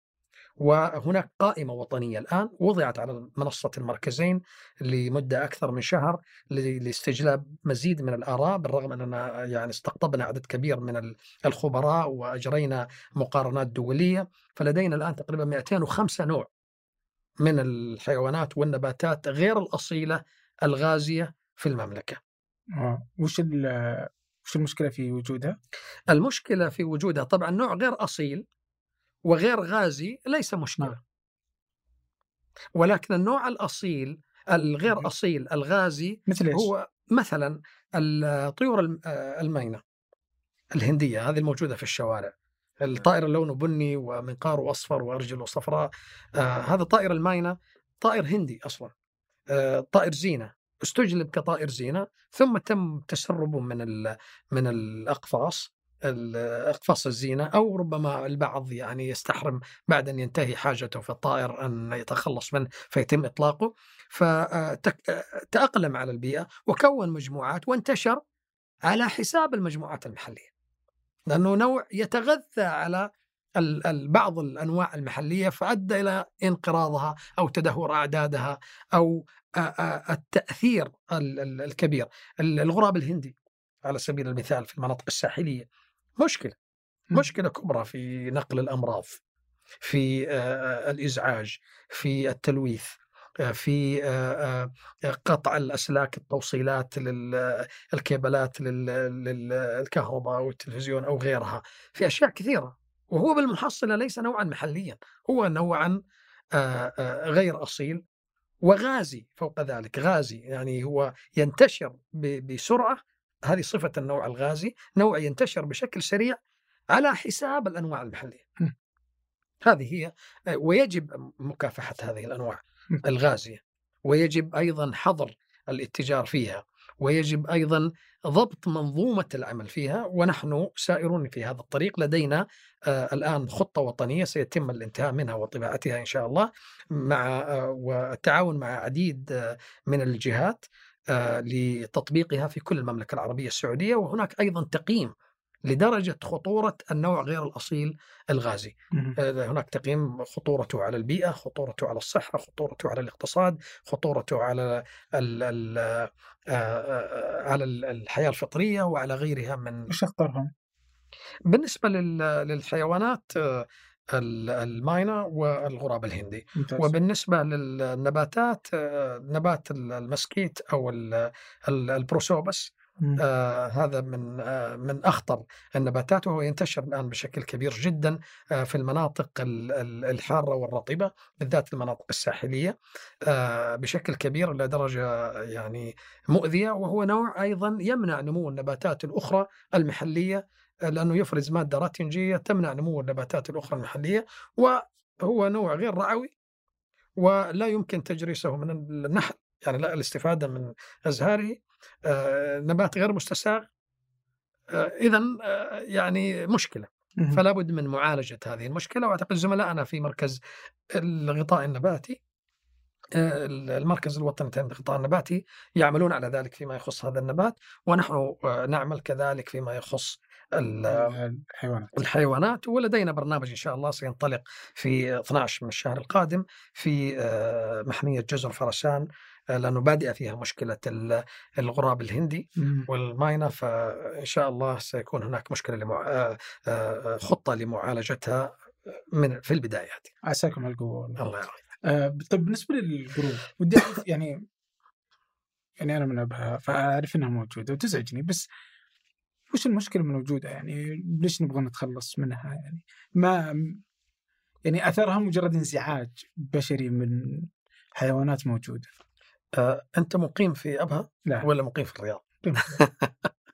يمكن عشان كذا بنيت هذه الفكرة إنك الآن يعني آه، أنا أعتقد إنه التوصيف الصحيح لك آه، في زيارتك لموطنك الأصلي. آه، لا لا لا لا لا لا لا لا لا العفو. لا لا التوصيف الصحيح أنك سائح.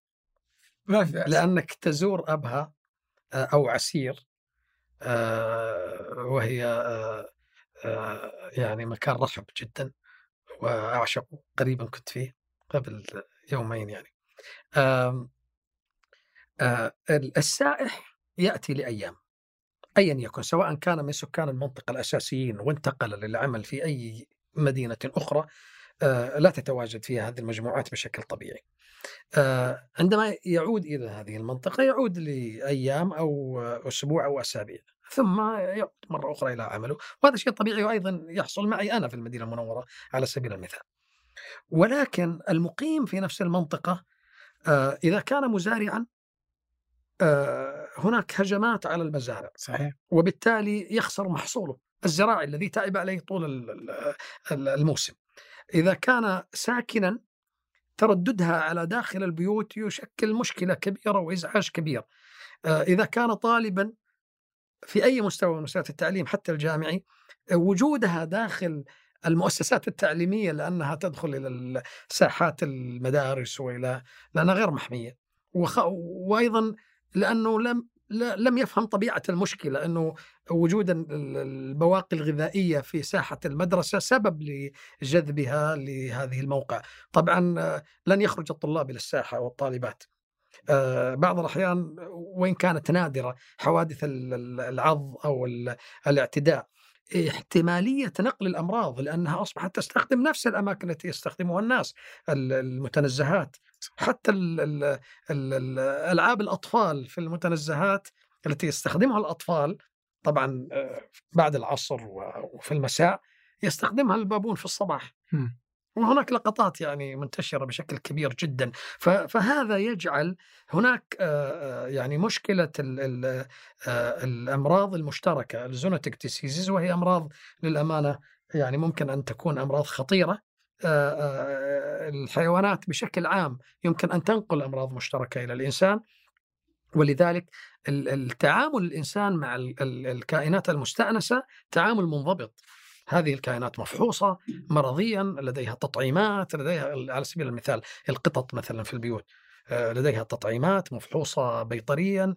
لكن تخيل القرد يعني جاي من البرية لا تعرف يعني آه، أي أمراض يحمل سواء كانت أمراض فيروسية أو أمراض آه، بكتيرية أو أمراض فطرية. أو طفيليات. فطبعا إحنا أيضا جزء من المشروع الذي نفذه المركز الوطني للتنميه الفطرية في المرحلة الأولى كان يستهدف سحب عينات الدم من الست المناطق المتضررة التي تنتشر ينتشر فيها البابون بشكل طبيعي وفحص هذه العينات للأمراض الشائعه المتوقع إنها آه، احتمالية النقل لها وبالتالي نستطيع أن نفهم آه، المخاطر التي يمكن الصحية التي يمكن أن تترتب على قربه من الناس بهذا الشكل أو ربما تضطر أن تأخذ احتياطات أخرى لإخراجه طبعا إخراجه تماما من المدن هذا هو الهدف ولكن حتى هذا التماس يجب الا يكون بهذا الشكل.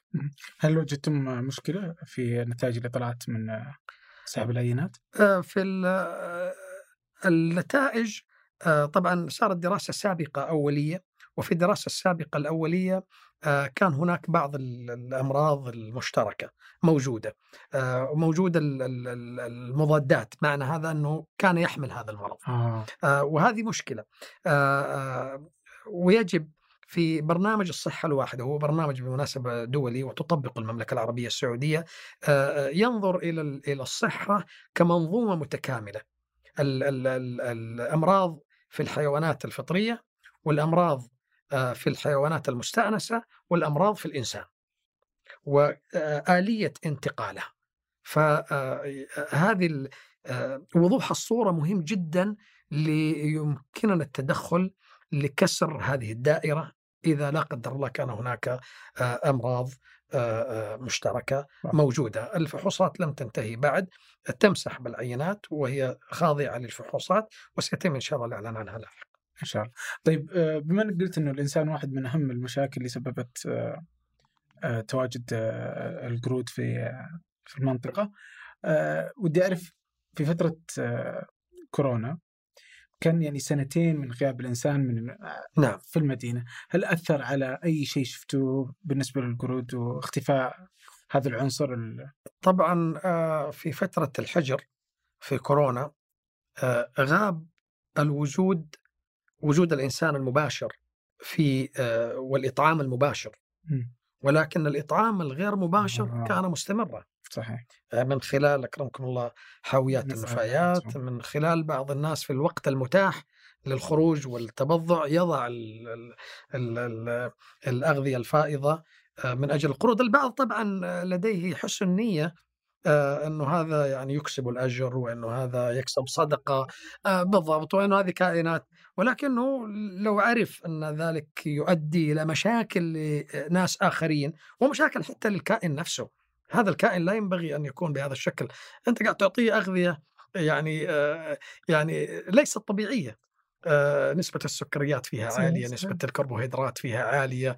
طبعا إحنا لم نفحص إذا كان لديها أمراض يعني سكر وأمراض ضغط وأمراض ولا يعني لسنا بهذه الرفاهية يعني. يعني نبحث عن الأمراض المشتركة مع الإنسان. ولكن آه يعني أنا أتوقع لو ربما بعض الجهات الأكاديمية والبحثية أجرت أبحاثها ستجد هناك آه، يعني تغير هرموني وتغير يعني هو التغير الهرموني حاصل ولكن أقصد تغير حتى في الأمراض ال- يعني يتشارك مع الإنسان. بالأمراض. لأنه الأمراض المشتركة لا يعني انتقالها من كائن من الحيوان إلى الإنسان ولكن يمكن العكس من الإنسان إلى الحيوان. كما تعرف مثلا في كورونا على سبيل المثال آه، وأخذت صدى عالمي كبير جدا نشرت بعض الأبحاث أنه هناك آه، انتقال من الإنسان لكوفيد 19 لمرض كورونا. آه، آه، للحيوان بالذات ال- ال- معتني الحيوانات في بعض حدائق الحيوان في بعض الحدائق في العالم. آه، أثبت نقل المرض من الإنسان للحيوان والعكس كذلك صحيح. طيب قبل ما تجي كنا نتناقش. كانت واحدة من الأشياء اللي كانت إنه أنا يعني لطالما إني أعيش في مدينة ويعني ما يهمني صدق إذا موجود النعام ولا لا ولا يهمني إذا موجود النمر ولا الفهد ولا ما يعني ما ما ما يهمني. أنا يهمني إنه موجود خروف بقرة عشان أسوي له برجر ولا أذبح لي. صحيح. فما مدى اهميتها فهمت؟ يعني واحدة من أنواعها اللي هي آه، مثلا في في حالة النمر ووجود القرود. بس مثلا في حالة النعام في حالة المها في هذه الحالة ليش إحنا مهتمين فعلا بإعادتها؟ هل هي رفاهية ولا وش اللي بيأثر علينا بعد ما تخلصون تشتغلون على هذا المشروع؟ آه، طبعا هي ضرورة. هي ضرورة وضرورة ملحة. ليست رفاهية. ليست رفاهية أبدا. هي ضرورة وضرورة ملحة. وسأشرح لماذا بشكل مختصر. ال ال الإنسان هو ابن بيئته كما يقال. والإنسان هو جزء من المنظومة البيئية. اليوم هل يستطيع الإنسان أن يعيش في مدينة ملوثة إلى درجة تصيبه بالأمراض؟ لا.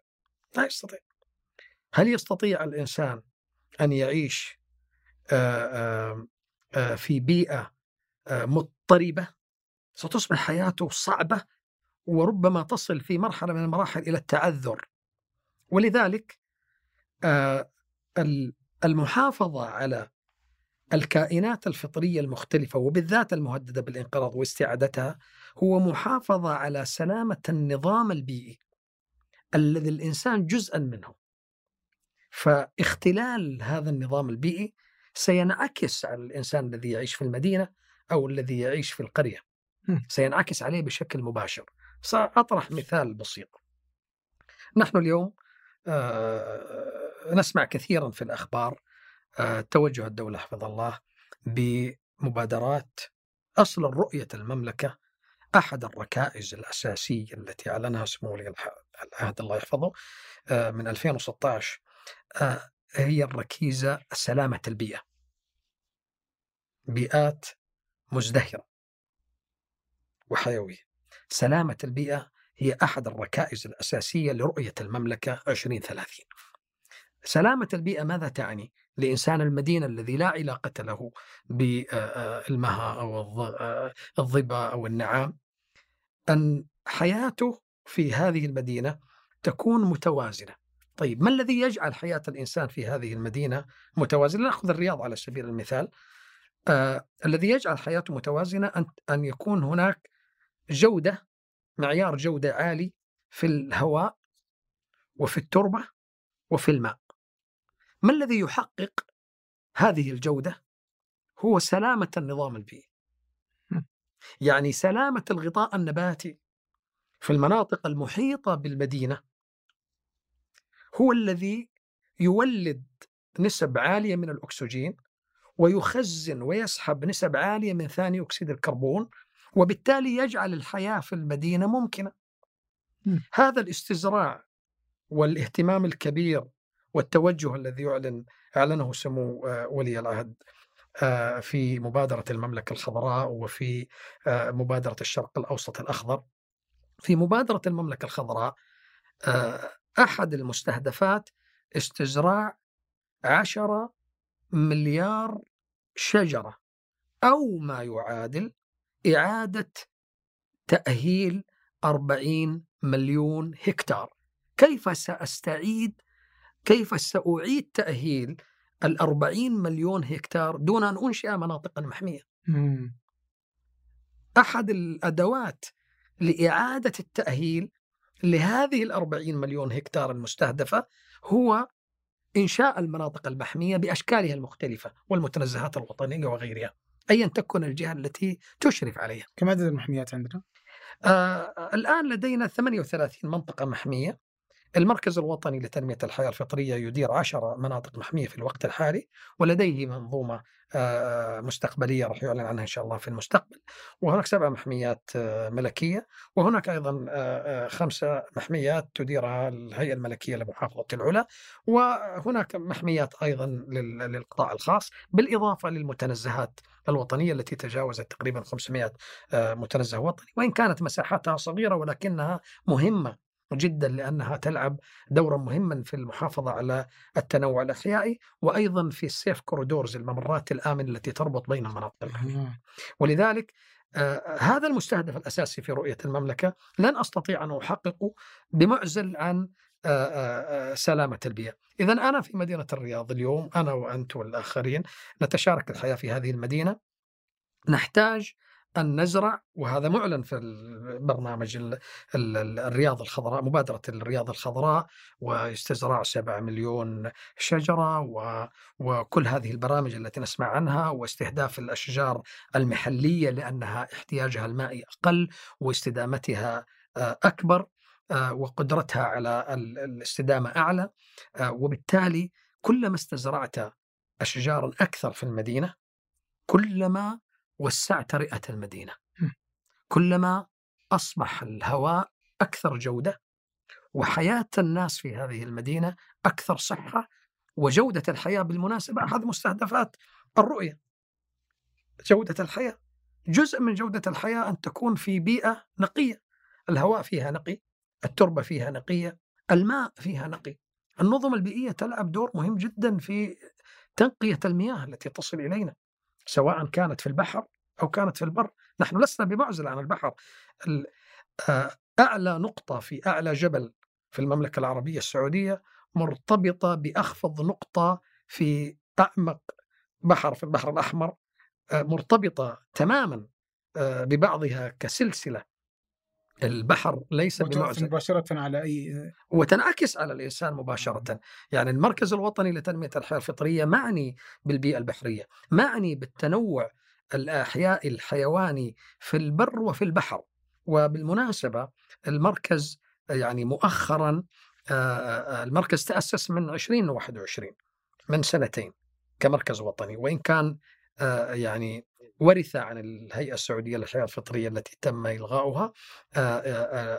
بعض المنجزات السابقة كمراكز الأبحاث والإكثار تحولت له ولكن كمركز برؤية جديدة وأهداف استراتيجية جديدة بدأ في 2021 فكان أساسا أن يكون التركيز أيضا على البيئة البحرية التي ربما كثير من الناس لا يتحدث عنها. ولذلك حتى اختيار الرئيس التنفيذي للمركز الوطني لتنمية الحياة الفطرية الدكتور محمد قربان وهو أشهر من أن يعرف به هو من أشهر المتخصصين آه، في البيئات البحرية وتحديدا في البحر الأحمر والخليج العربي لأنه كان يرأس آه، آه، مركز البيئة والمياه في جامعة الملك فهد للبترول والمعادن ولديه خبرة طويلة جدا في هذا المجال.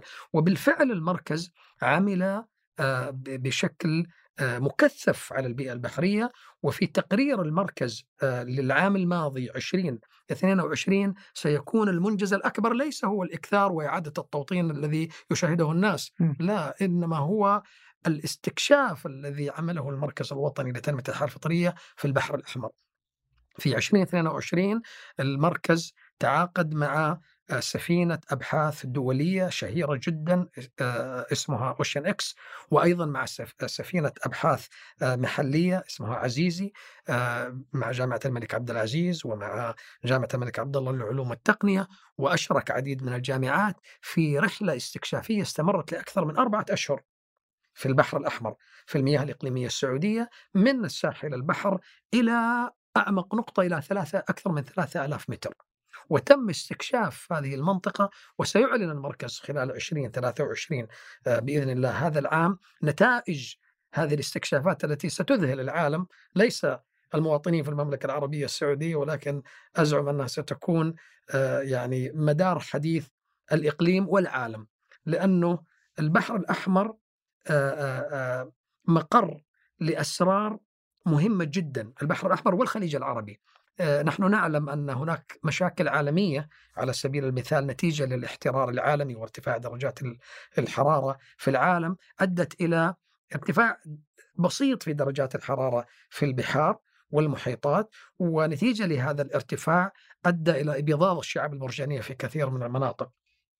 هذه المشكلة العالمية أنا أعتقد أن مفتاح حلها في المملكة العربية السعودية لأنه نحن نعيش في منطقة حارة والمرجان في المملكة العربية السعودية في البحر الأحمر والخليج العربي لديه مقدرة على تحمل درجات الحرارة العالية ولذلك استطاع البقاء دون أن يحصل هذا الإبيضاض. طبعا سبب الإبيضاض آه، كل الناس الذين يعني يعرفون الشعاب المرجانية هي جنة من الألوان. هي الشعاب المرجانية طبعا هي كائن حيواني لا يستطيع أن يعيش بدون نبات. ولذلك يتحد معه نوع من أنواع من الطحالب. وهذه الطحالب هي التي تعطي الألوان الزاهية للمرجان. وهذا الاتحاد يتطلب درجة حرارة معينة. عندما ترتفع درجة الحرارة ينفصل تنفصل الشعاب تنفصل ال ال ال الطحالب عن المرجان فيصبح لونه ابيضا بمعنى يموت. والمرجان مسؤول كبيئة في البحر عن تقريبا حماية وتوفير بيئات طبيعية وتغذية لأكثر من 25% من التنوع الأحياء البحري. نحن نعتمد على الأسماك الموجودة في البحار وهذا جزء من مصدر التغذية. البر مرتبط في البحر نعم مرتبط. هذه السيول التي تأتي. من أين تأتي السيول؟ إذا نظرنا لخارطة المملكة العربية السعودية البحر الأحمر موجود في الناحية الغربية. كل يوم يحصل تبخر لجزء بسيط من مياه البحر الأحمر. نتيجة لسطوع الشمس وارتفاع درجة الحرارة في المستوى مستوى سطح البحر. هذا هذا بخار الماء عندما يصعد إلى الطبقات الأعلى تقريبا كل 100 متر تنخفض درجة الحرارة درجة مئوية تدفعه الرياح باتجاه الجبال. فيصل على هيئة ضباب إلى أبها وإلى عسير وإلى مرتفعات جبال السروات يصل على هيئة ضباب ومطر. هذا الضباب الذي تأسره الأشجار وجود أشجار العرعر وأشجار العتم الزيتون البري وغيرها هي التي تستطيع هي مصائد المطر الذي نسميها المطر الأفقي. يتحول إلى قطرات ويزيد احتواء الماء في التربة. والمطر العمودي المطر الطبيعي الذي يهطل على جبال السروات وبالمناسبة جبال قمم جبال السروات تعتبر الخط الفاصل لظل المطر. يعني معظم الأمطار تهطل على الجانب الغربي على الواجهة الغربية من جبال السروات ولذلك هي أكثر اخضرارا من الواجهة الشرقية لجبال السروات لهذا السبب. فالأمطار التي تهطل وتنتج عنها السيول وتندفع السيول إلى البحر في بعض المواقع تأخذ معها المغذيات من التربة ومن ال... وهذه المغذيات هي التي تعيش عليها ال phytoplanktons اللي هي الهائمات البحرية التي هي مصادر لغذاء الأسماك والكائنات البحرية الأخرى. طيب بعد إحنا بدأنا بجانب ثقافي آه بدينا انتقلنا إلى العلمي أو العملي عفوا بدي أرجع للثقافي شوي. آه ففيه للدكتور سعد الصويان كان يقول اننا استانسنا الجمل فتشكلت ثقافتنا بناء على هذا الاكتشاف ثم اكتشفنا النفط فتشكلت ثقافتنا بناء على هذا الاكتشاف هل اليوم إحنا كسعودية فقدنا علاقتنا بالحيوان؟ أنا أعتقد من آآ آآ ما يتوفر لدي من معلومات ومن مشاهداتي لأن أسفاري كثيرة جدا داخل المملكة وخارجها أن ال ال ال المواطن السعودي ربما يكون من أكثر الشعوب الشعب السعودي ربما يكون من أكثر الشعوب في العالم علاقة بالحيوان كيف؟ أولا في الدين الإسلامي قبل أن آتي للدين الإسلامي. في التراث العربي أساسا هناك علاقة حميمة بين الإنسان العربي وبين الحيوان سواء كان هذا الحيوان خيلا أو آه، آه، إبلا أو أغناما أو آه، كائنات برية. وسبق استرسلنا في في في هذه العلاقة. صحيح. وهذه العلاقة ليست علاقة عابرة إنما علاقة وطيدة وعلاقة ليست فقط حياتية وترقى إلى مستوى الجمالية لأنه أنسنت الكائن وتحويله إلى إلى آه، إضفاء الصفات البشرية عليه يعني أن العلاقة تجاوزت النفعية علاقة تجاوزت المفهوم النفعي في في العلاقة مع الكائن الحي آه، الحصول على اللحم أو على الألبان الحليب أو على الجلود. لا هناك علاقة أعلى. يعني علاقة العربي بالخيل على سبيل المثال علاقة عريقة ومنعكسة أيضا بشكل وطيد في الشعر.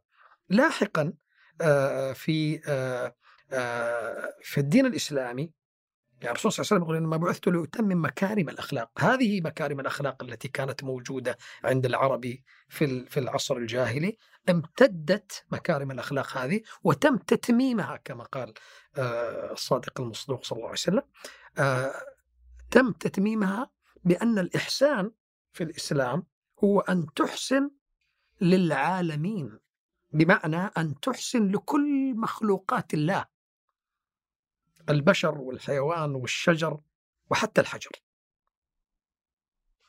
ومبدأ لا ضرر ولا ضرار هو من أحد المبادئ الإسلامية، اذا هو امتداد لمكارم الأخلاق وتتميم بالإسلام لمكارم الأخلاق وهذا التتميم مستمر لليوم. يعني أنت تجد اليوم يعني طريقة التعامل مع الحيوان عند الإنسان العربي المسلم مختلفة تماما. آه، فيها شيء من الرحمة فيها شيء من ال من ال آه، من ال آه، التواصل الذي يتجاوز النفعية. تخيل مثلا علاقة بعض ال ال الناس بحيواناتها المستأنسة. طبعا هذا موجود أيضا في الغرب آه، بعض الحيوانات على سبيل المثال وموجود عند شعوب أخرى ولكن أزعم أنه عند المجتمع السعودي وعلى وجه الخصوص المجتمع العربي الإسلامي آه، تجذرت هذه العلاقة القديمة عند العربي آه، وتتممت آه، من خلال الإسلام ثم إلى العصر الحديث التشوهات التي نشاهدها بين الحين والآخر في تعاملات غير إنسانية مع الكائن الحيواني بالذبح بالقتل بالكذا هي استثناءات تؤيد القاعدة. القاعدة هي التعامل الإنساني الراقي الذي يصل في بعض آه، آه، آه، مراحله إلى نقطة تتجاوز النفعيه. الله يعطيكم العافية. الله شكرا جزيلا والله يعني ل يعني هذا الوقت اللي أعطيتني إياه ويعني هذه الحلقة أشكرك مرة أخرى على صبرك. بالعكس والله مستمتع. يعني أيما استرسلنا واستطردنا كثيرا ولكن كان كنت مستمتع للأمانة بالحديث. الله يعطيك فأشكرك وأشكر البرنامج الجميل. شكرا لكم. شكرا لأيمن الحمادي خلف الإعداد وخلف الكاميرات وهاب موسى وفي التحرير جميل عبد الأحد وفي التدوين عبد المجيد العطاس والهندسة الصوتية ضياء الدين مدني في إدارة محتوى التواصل نورة السبيعي وفي إدارة التحرير أسيل بعبد الله. هذا فنجان أحد منتجات شركة ثمانية للنشر والتوزيع. ننشر كل الإنتاج بحب من مدينة الرياض الأسبوع المقبل. ألقاكم. طبعا الحين انتهت الحلقة. طيب. بس أيمن عنده أسئلة. ها. يعتقد إنها سخيفة وأعتقد إنها سخيفة. فليتفضل مشكورا بالعكس. هو ما. الشركة هذه تقمع الابداع يا دكتور فاهم أنا. من أول قلت له دكتور قال لي لا تقول لي دكتور. لساني السؤال كان في بالي سؤال إنه الحين الأسد يقال له إنه ملك الغابة. صحيح. وليش؟ وال- والإبل هي سفينة الصحراء. نعم. ليش مو بملكة الصحراء؟ جميل. آه ال- الصفة آه آه ملك الغابة أو سفينة الصحراء أطلقها الإنسان على الكائن الحي. وأطلقها نتيجة لعلاقة أو شكل علاقة معينة. يعني مثلا أطلق الإنسان على الجمل سفينة الصحراء لأنه أستط... لأنه هو الوسيلة التي ينتقل فيها في بحار الرمال. يعني تخيل أنت بحار الرمال وكأنها أمواج البحر. لا يمكن أي كائن ينقل الإنسان في هذه الصحراء. طبعا أتكلم عن العصور ال- القديمة إلا الجمل. ولذلك صار هذا ال- الاسم المج... المجازي لأن المجاز ترى أبلغ من الحقيقة. صار الاسم المجازي أنه هو سفينة الصحراء. لأنه يتوافر على صفات مظهرية وفسيولوجية مكنته من الصبر على الماء يصل إلى أسبوعين. ترى بالمناسبة لو أقارنه بال- بالبعض الحيوانات البرية تندهش. أنا في أحد المقالات أكتبها لأن أحب أنا أكتب. أنه الجمل يستطيع أن يصبر على الماء لمدة أسبوعين تقريبا. ما يشرب ماء لمدة أسبوعين. تخيل الماء العربي كم يصبر على الماء؟ ممكن يصبر على الماء إلى 11 شهر. فأنا مسمي الجمل في صبره على الماء تلميذ في الصف الأول الابتدائي في جامعة المها العربي تمام؟ فإذا هذه الصفة الرمزية اللي أطلقها الإنسان أطلقها لعلاقته معه. الجمل هو آه، آه، قياسا بالبحر هو السفينة التي تنقل في بحار الرمال الضخمة التي تحتل آه، مساحات شاسعة جدا في شبه الجزيرة العربية سواء في الربع الخالي أو الدهنة أو النفود ال ال تفضل تفضل إحنا خلصنا. المعذرة نطرناك لا لا لا بالعكس. ال- الأسد سمي ملك الغابة لأنه آه، أكبر مفترس في الغابة. وبالفعل ما يستطيع أن يواجهه آه، مفترس آخر. يعني مثلا لو واجه الأسد نمر سيفترس النمر. سيفترس النمر. لو واجه الأسد آه، آه، آه، آه، فهد سيفترس الفهد.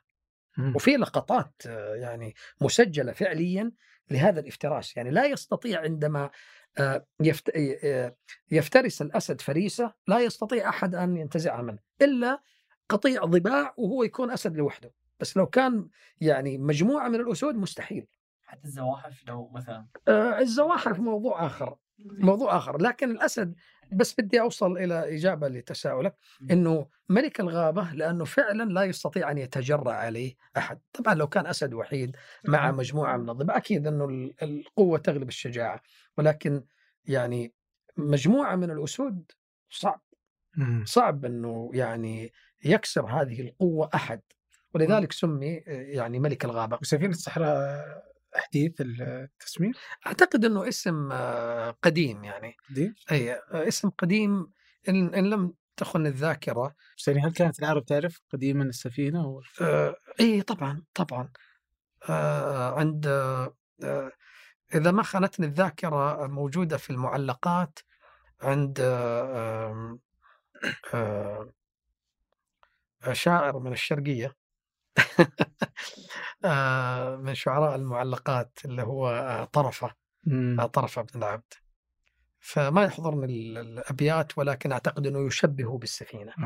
أي أعتقد يشبه بالسفينة فهذا التشبيه هو طبعا الشعر يعني عظمة الشعر أنه هو آه، آه، مغني للغة مغني للغة أتكلم عن الشعر العربي مغني للغة العربية من ناحية الألفاظ إغناءها لفظيا وإغناءها دلاليا. بمعنى أنه الشاعر هو الوحيد الذي يستطيع أن يخترع أسماء ويضعها في القصيدة وتصبح مقبولة في المجتمع. من العصر الجاهلي ترى بالمناسبة. يمكن اليوم المجامع اللغة العربية تضع أسماء وكذا بس الشاعر عنده هذه العبقرية. يعني مثلا لما يقول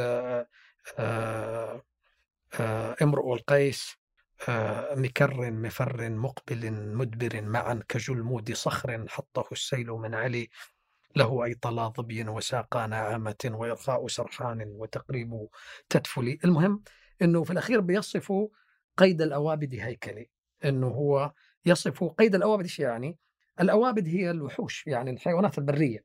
قيد الأوابد هو الحيوان الذي يقيد الأوابد. كيف يقيدها؟ يقيدها بسرعته يصل لها.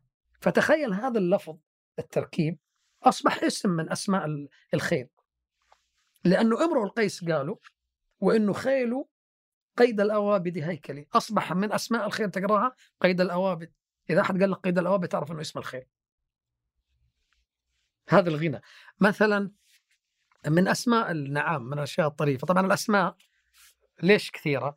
يعني ممكن آه، آه، تنسب للصوت الكائن.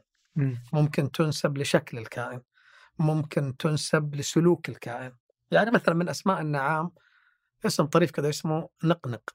نقنق. اي نقنق من وين جاية؟ من الصوت حق اصطكاك المنقار. نق نق نق نق. فيسموه نقنق. فمثلا وهذا ترى تجده في الشعر يعني كثير. آه مثلا من أسماء الجفول. الجفول يعني الذي يجفل يعني سريع الخوف يعني. ليش جفول؟ لأنه هو فعلا خواف يعني سريع الخوف. طبعا خوفه النعام آه، الصعل. الصعل يعني اللي آه، آه، رأسه صغيرة. الأصك إلا إلا ما له أذان في خرم بس ما في إذن. أوكي؟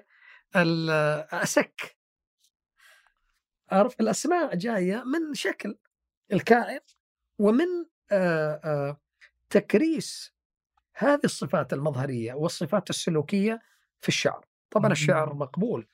يعني حتى كثيرين يقول يعني يجوز للشاعر ما لا يجوز لغيره. يعني إنه هو يعني يوظف طبعا هو إما إما إنه يخترع لفظة جديدة أو آه، يضيف دلالة جديدة.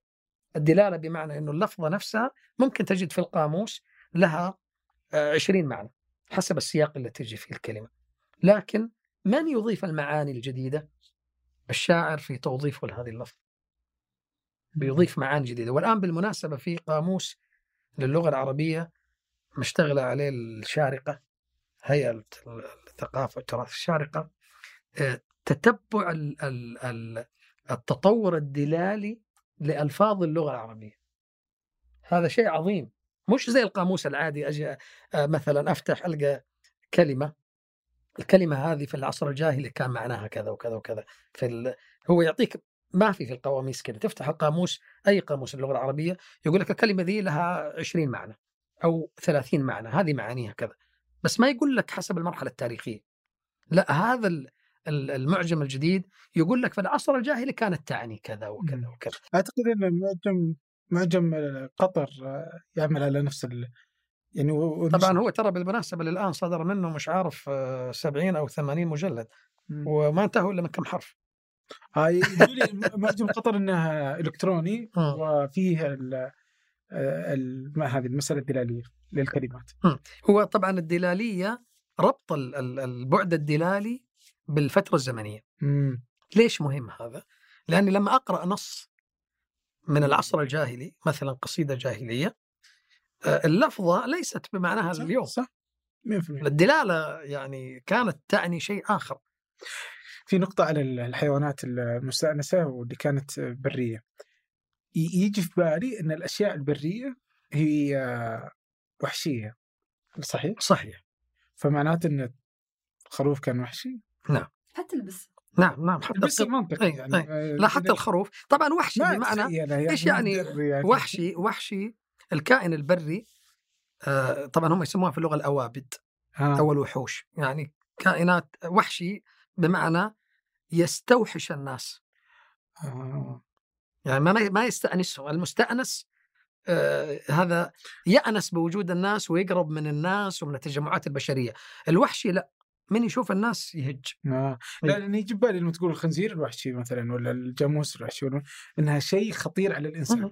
اليوم موجودة بس- في أنواع من الظبا. من ال- ال- الخرفان مم. اللي هي الظأن برية برية ولو تشوفه في طبيعته طبعا ممكن بري وتجيبه وتستأنسه. فحيصبح مستأنس بطبيعه الحال لكنه مستأنس أقصد بينما هو بري لكنه سلوكه تحول إلى سلوك مستأنس لكنه في وضعه الطبيعي سيجفل مم. من الإنسان هذا هو المعنى إنه وحشي مش وحشي إنه متوحش أو آه.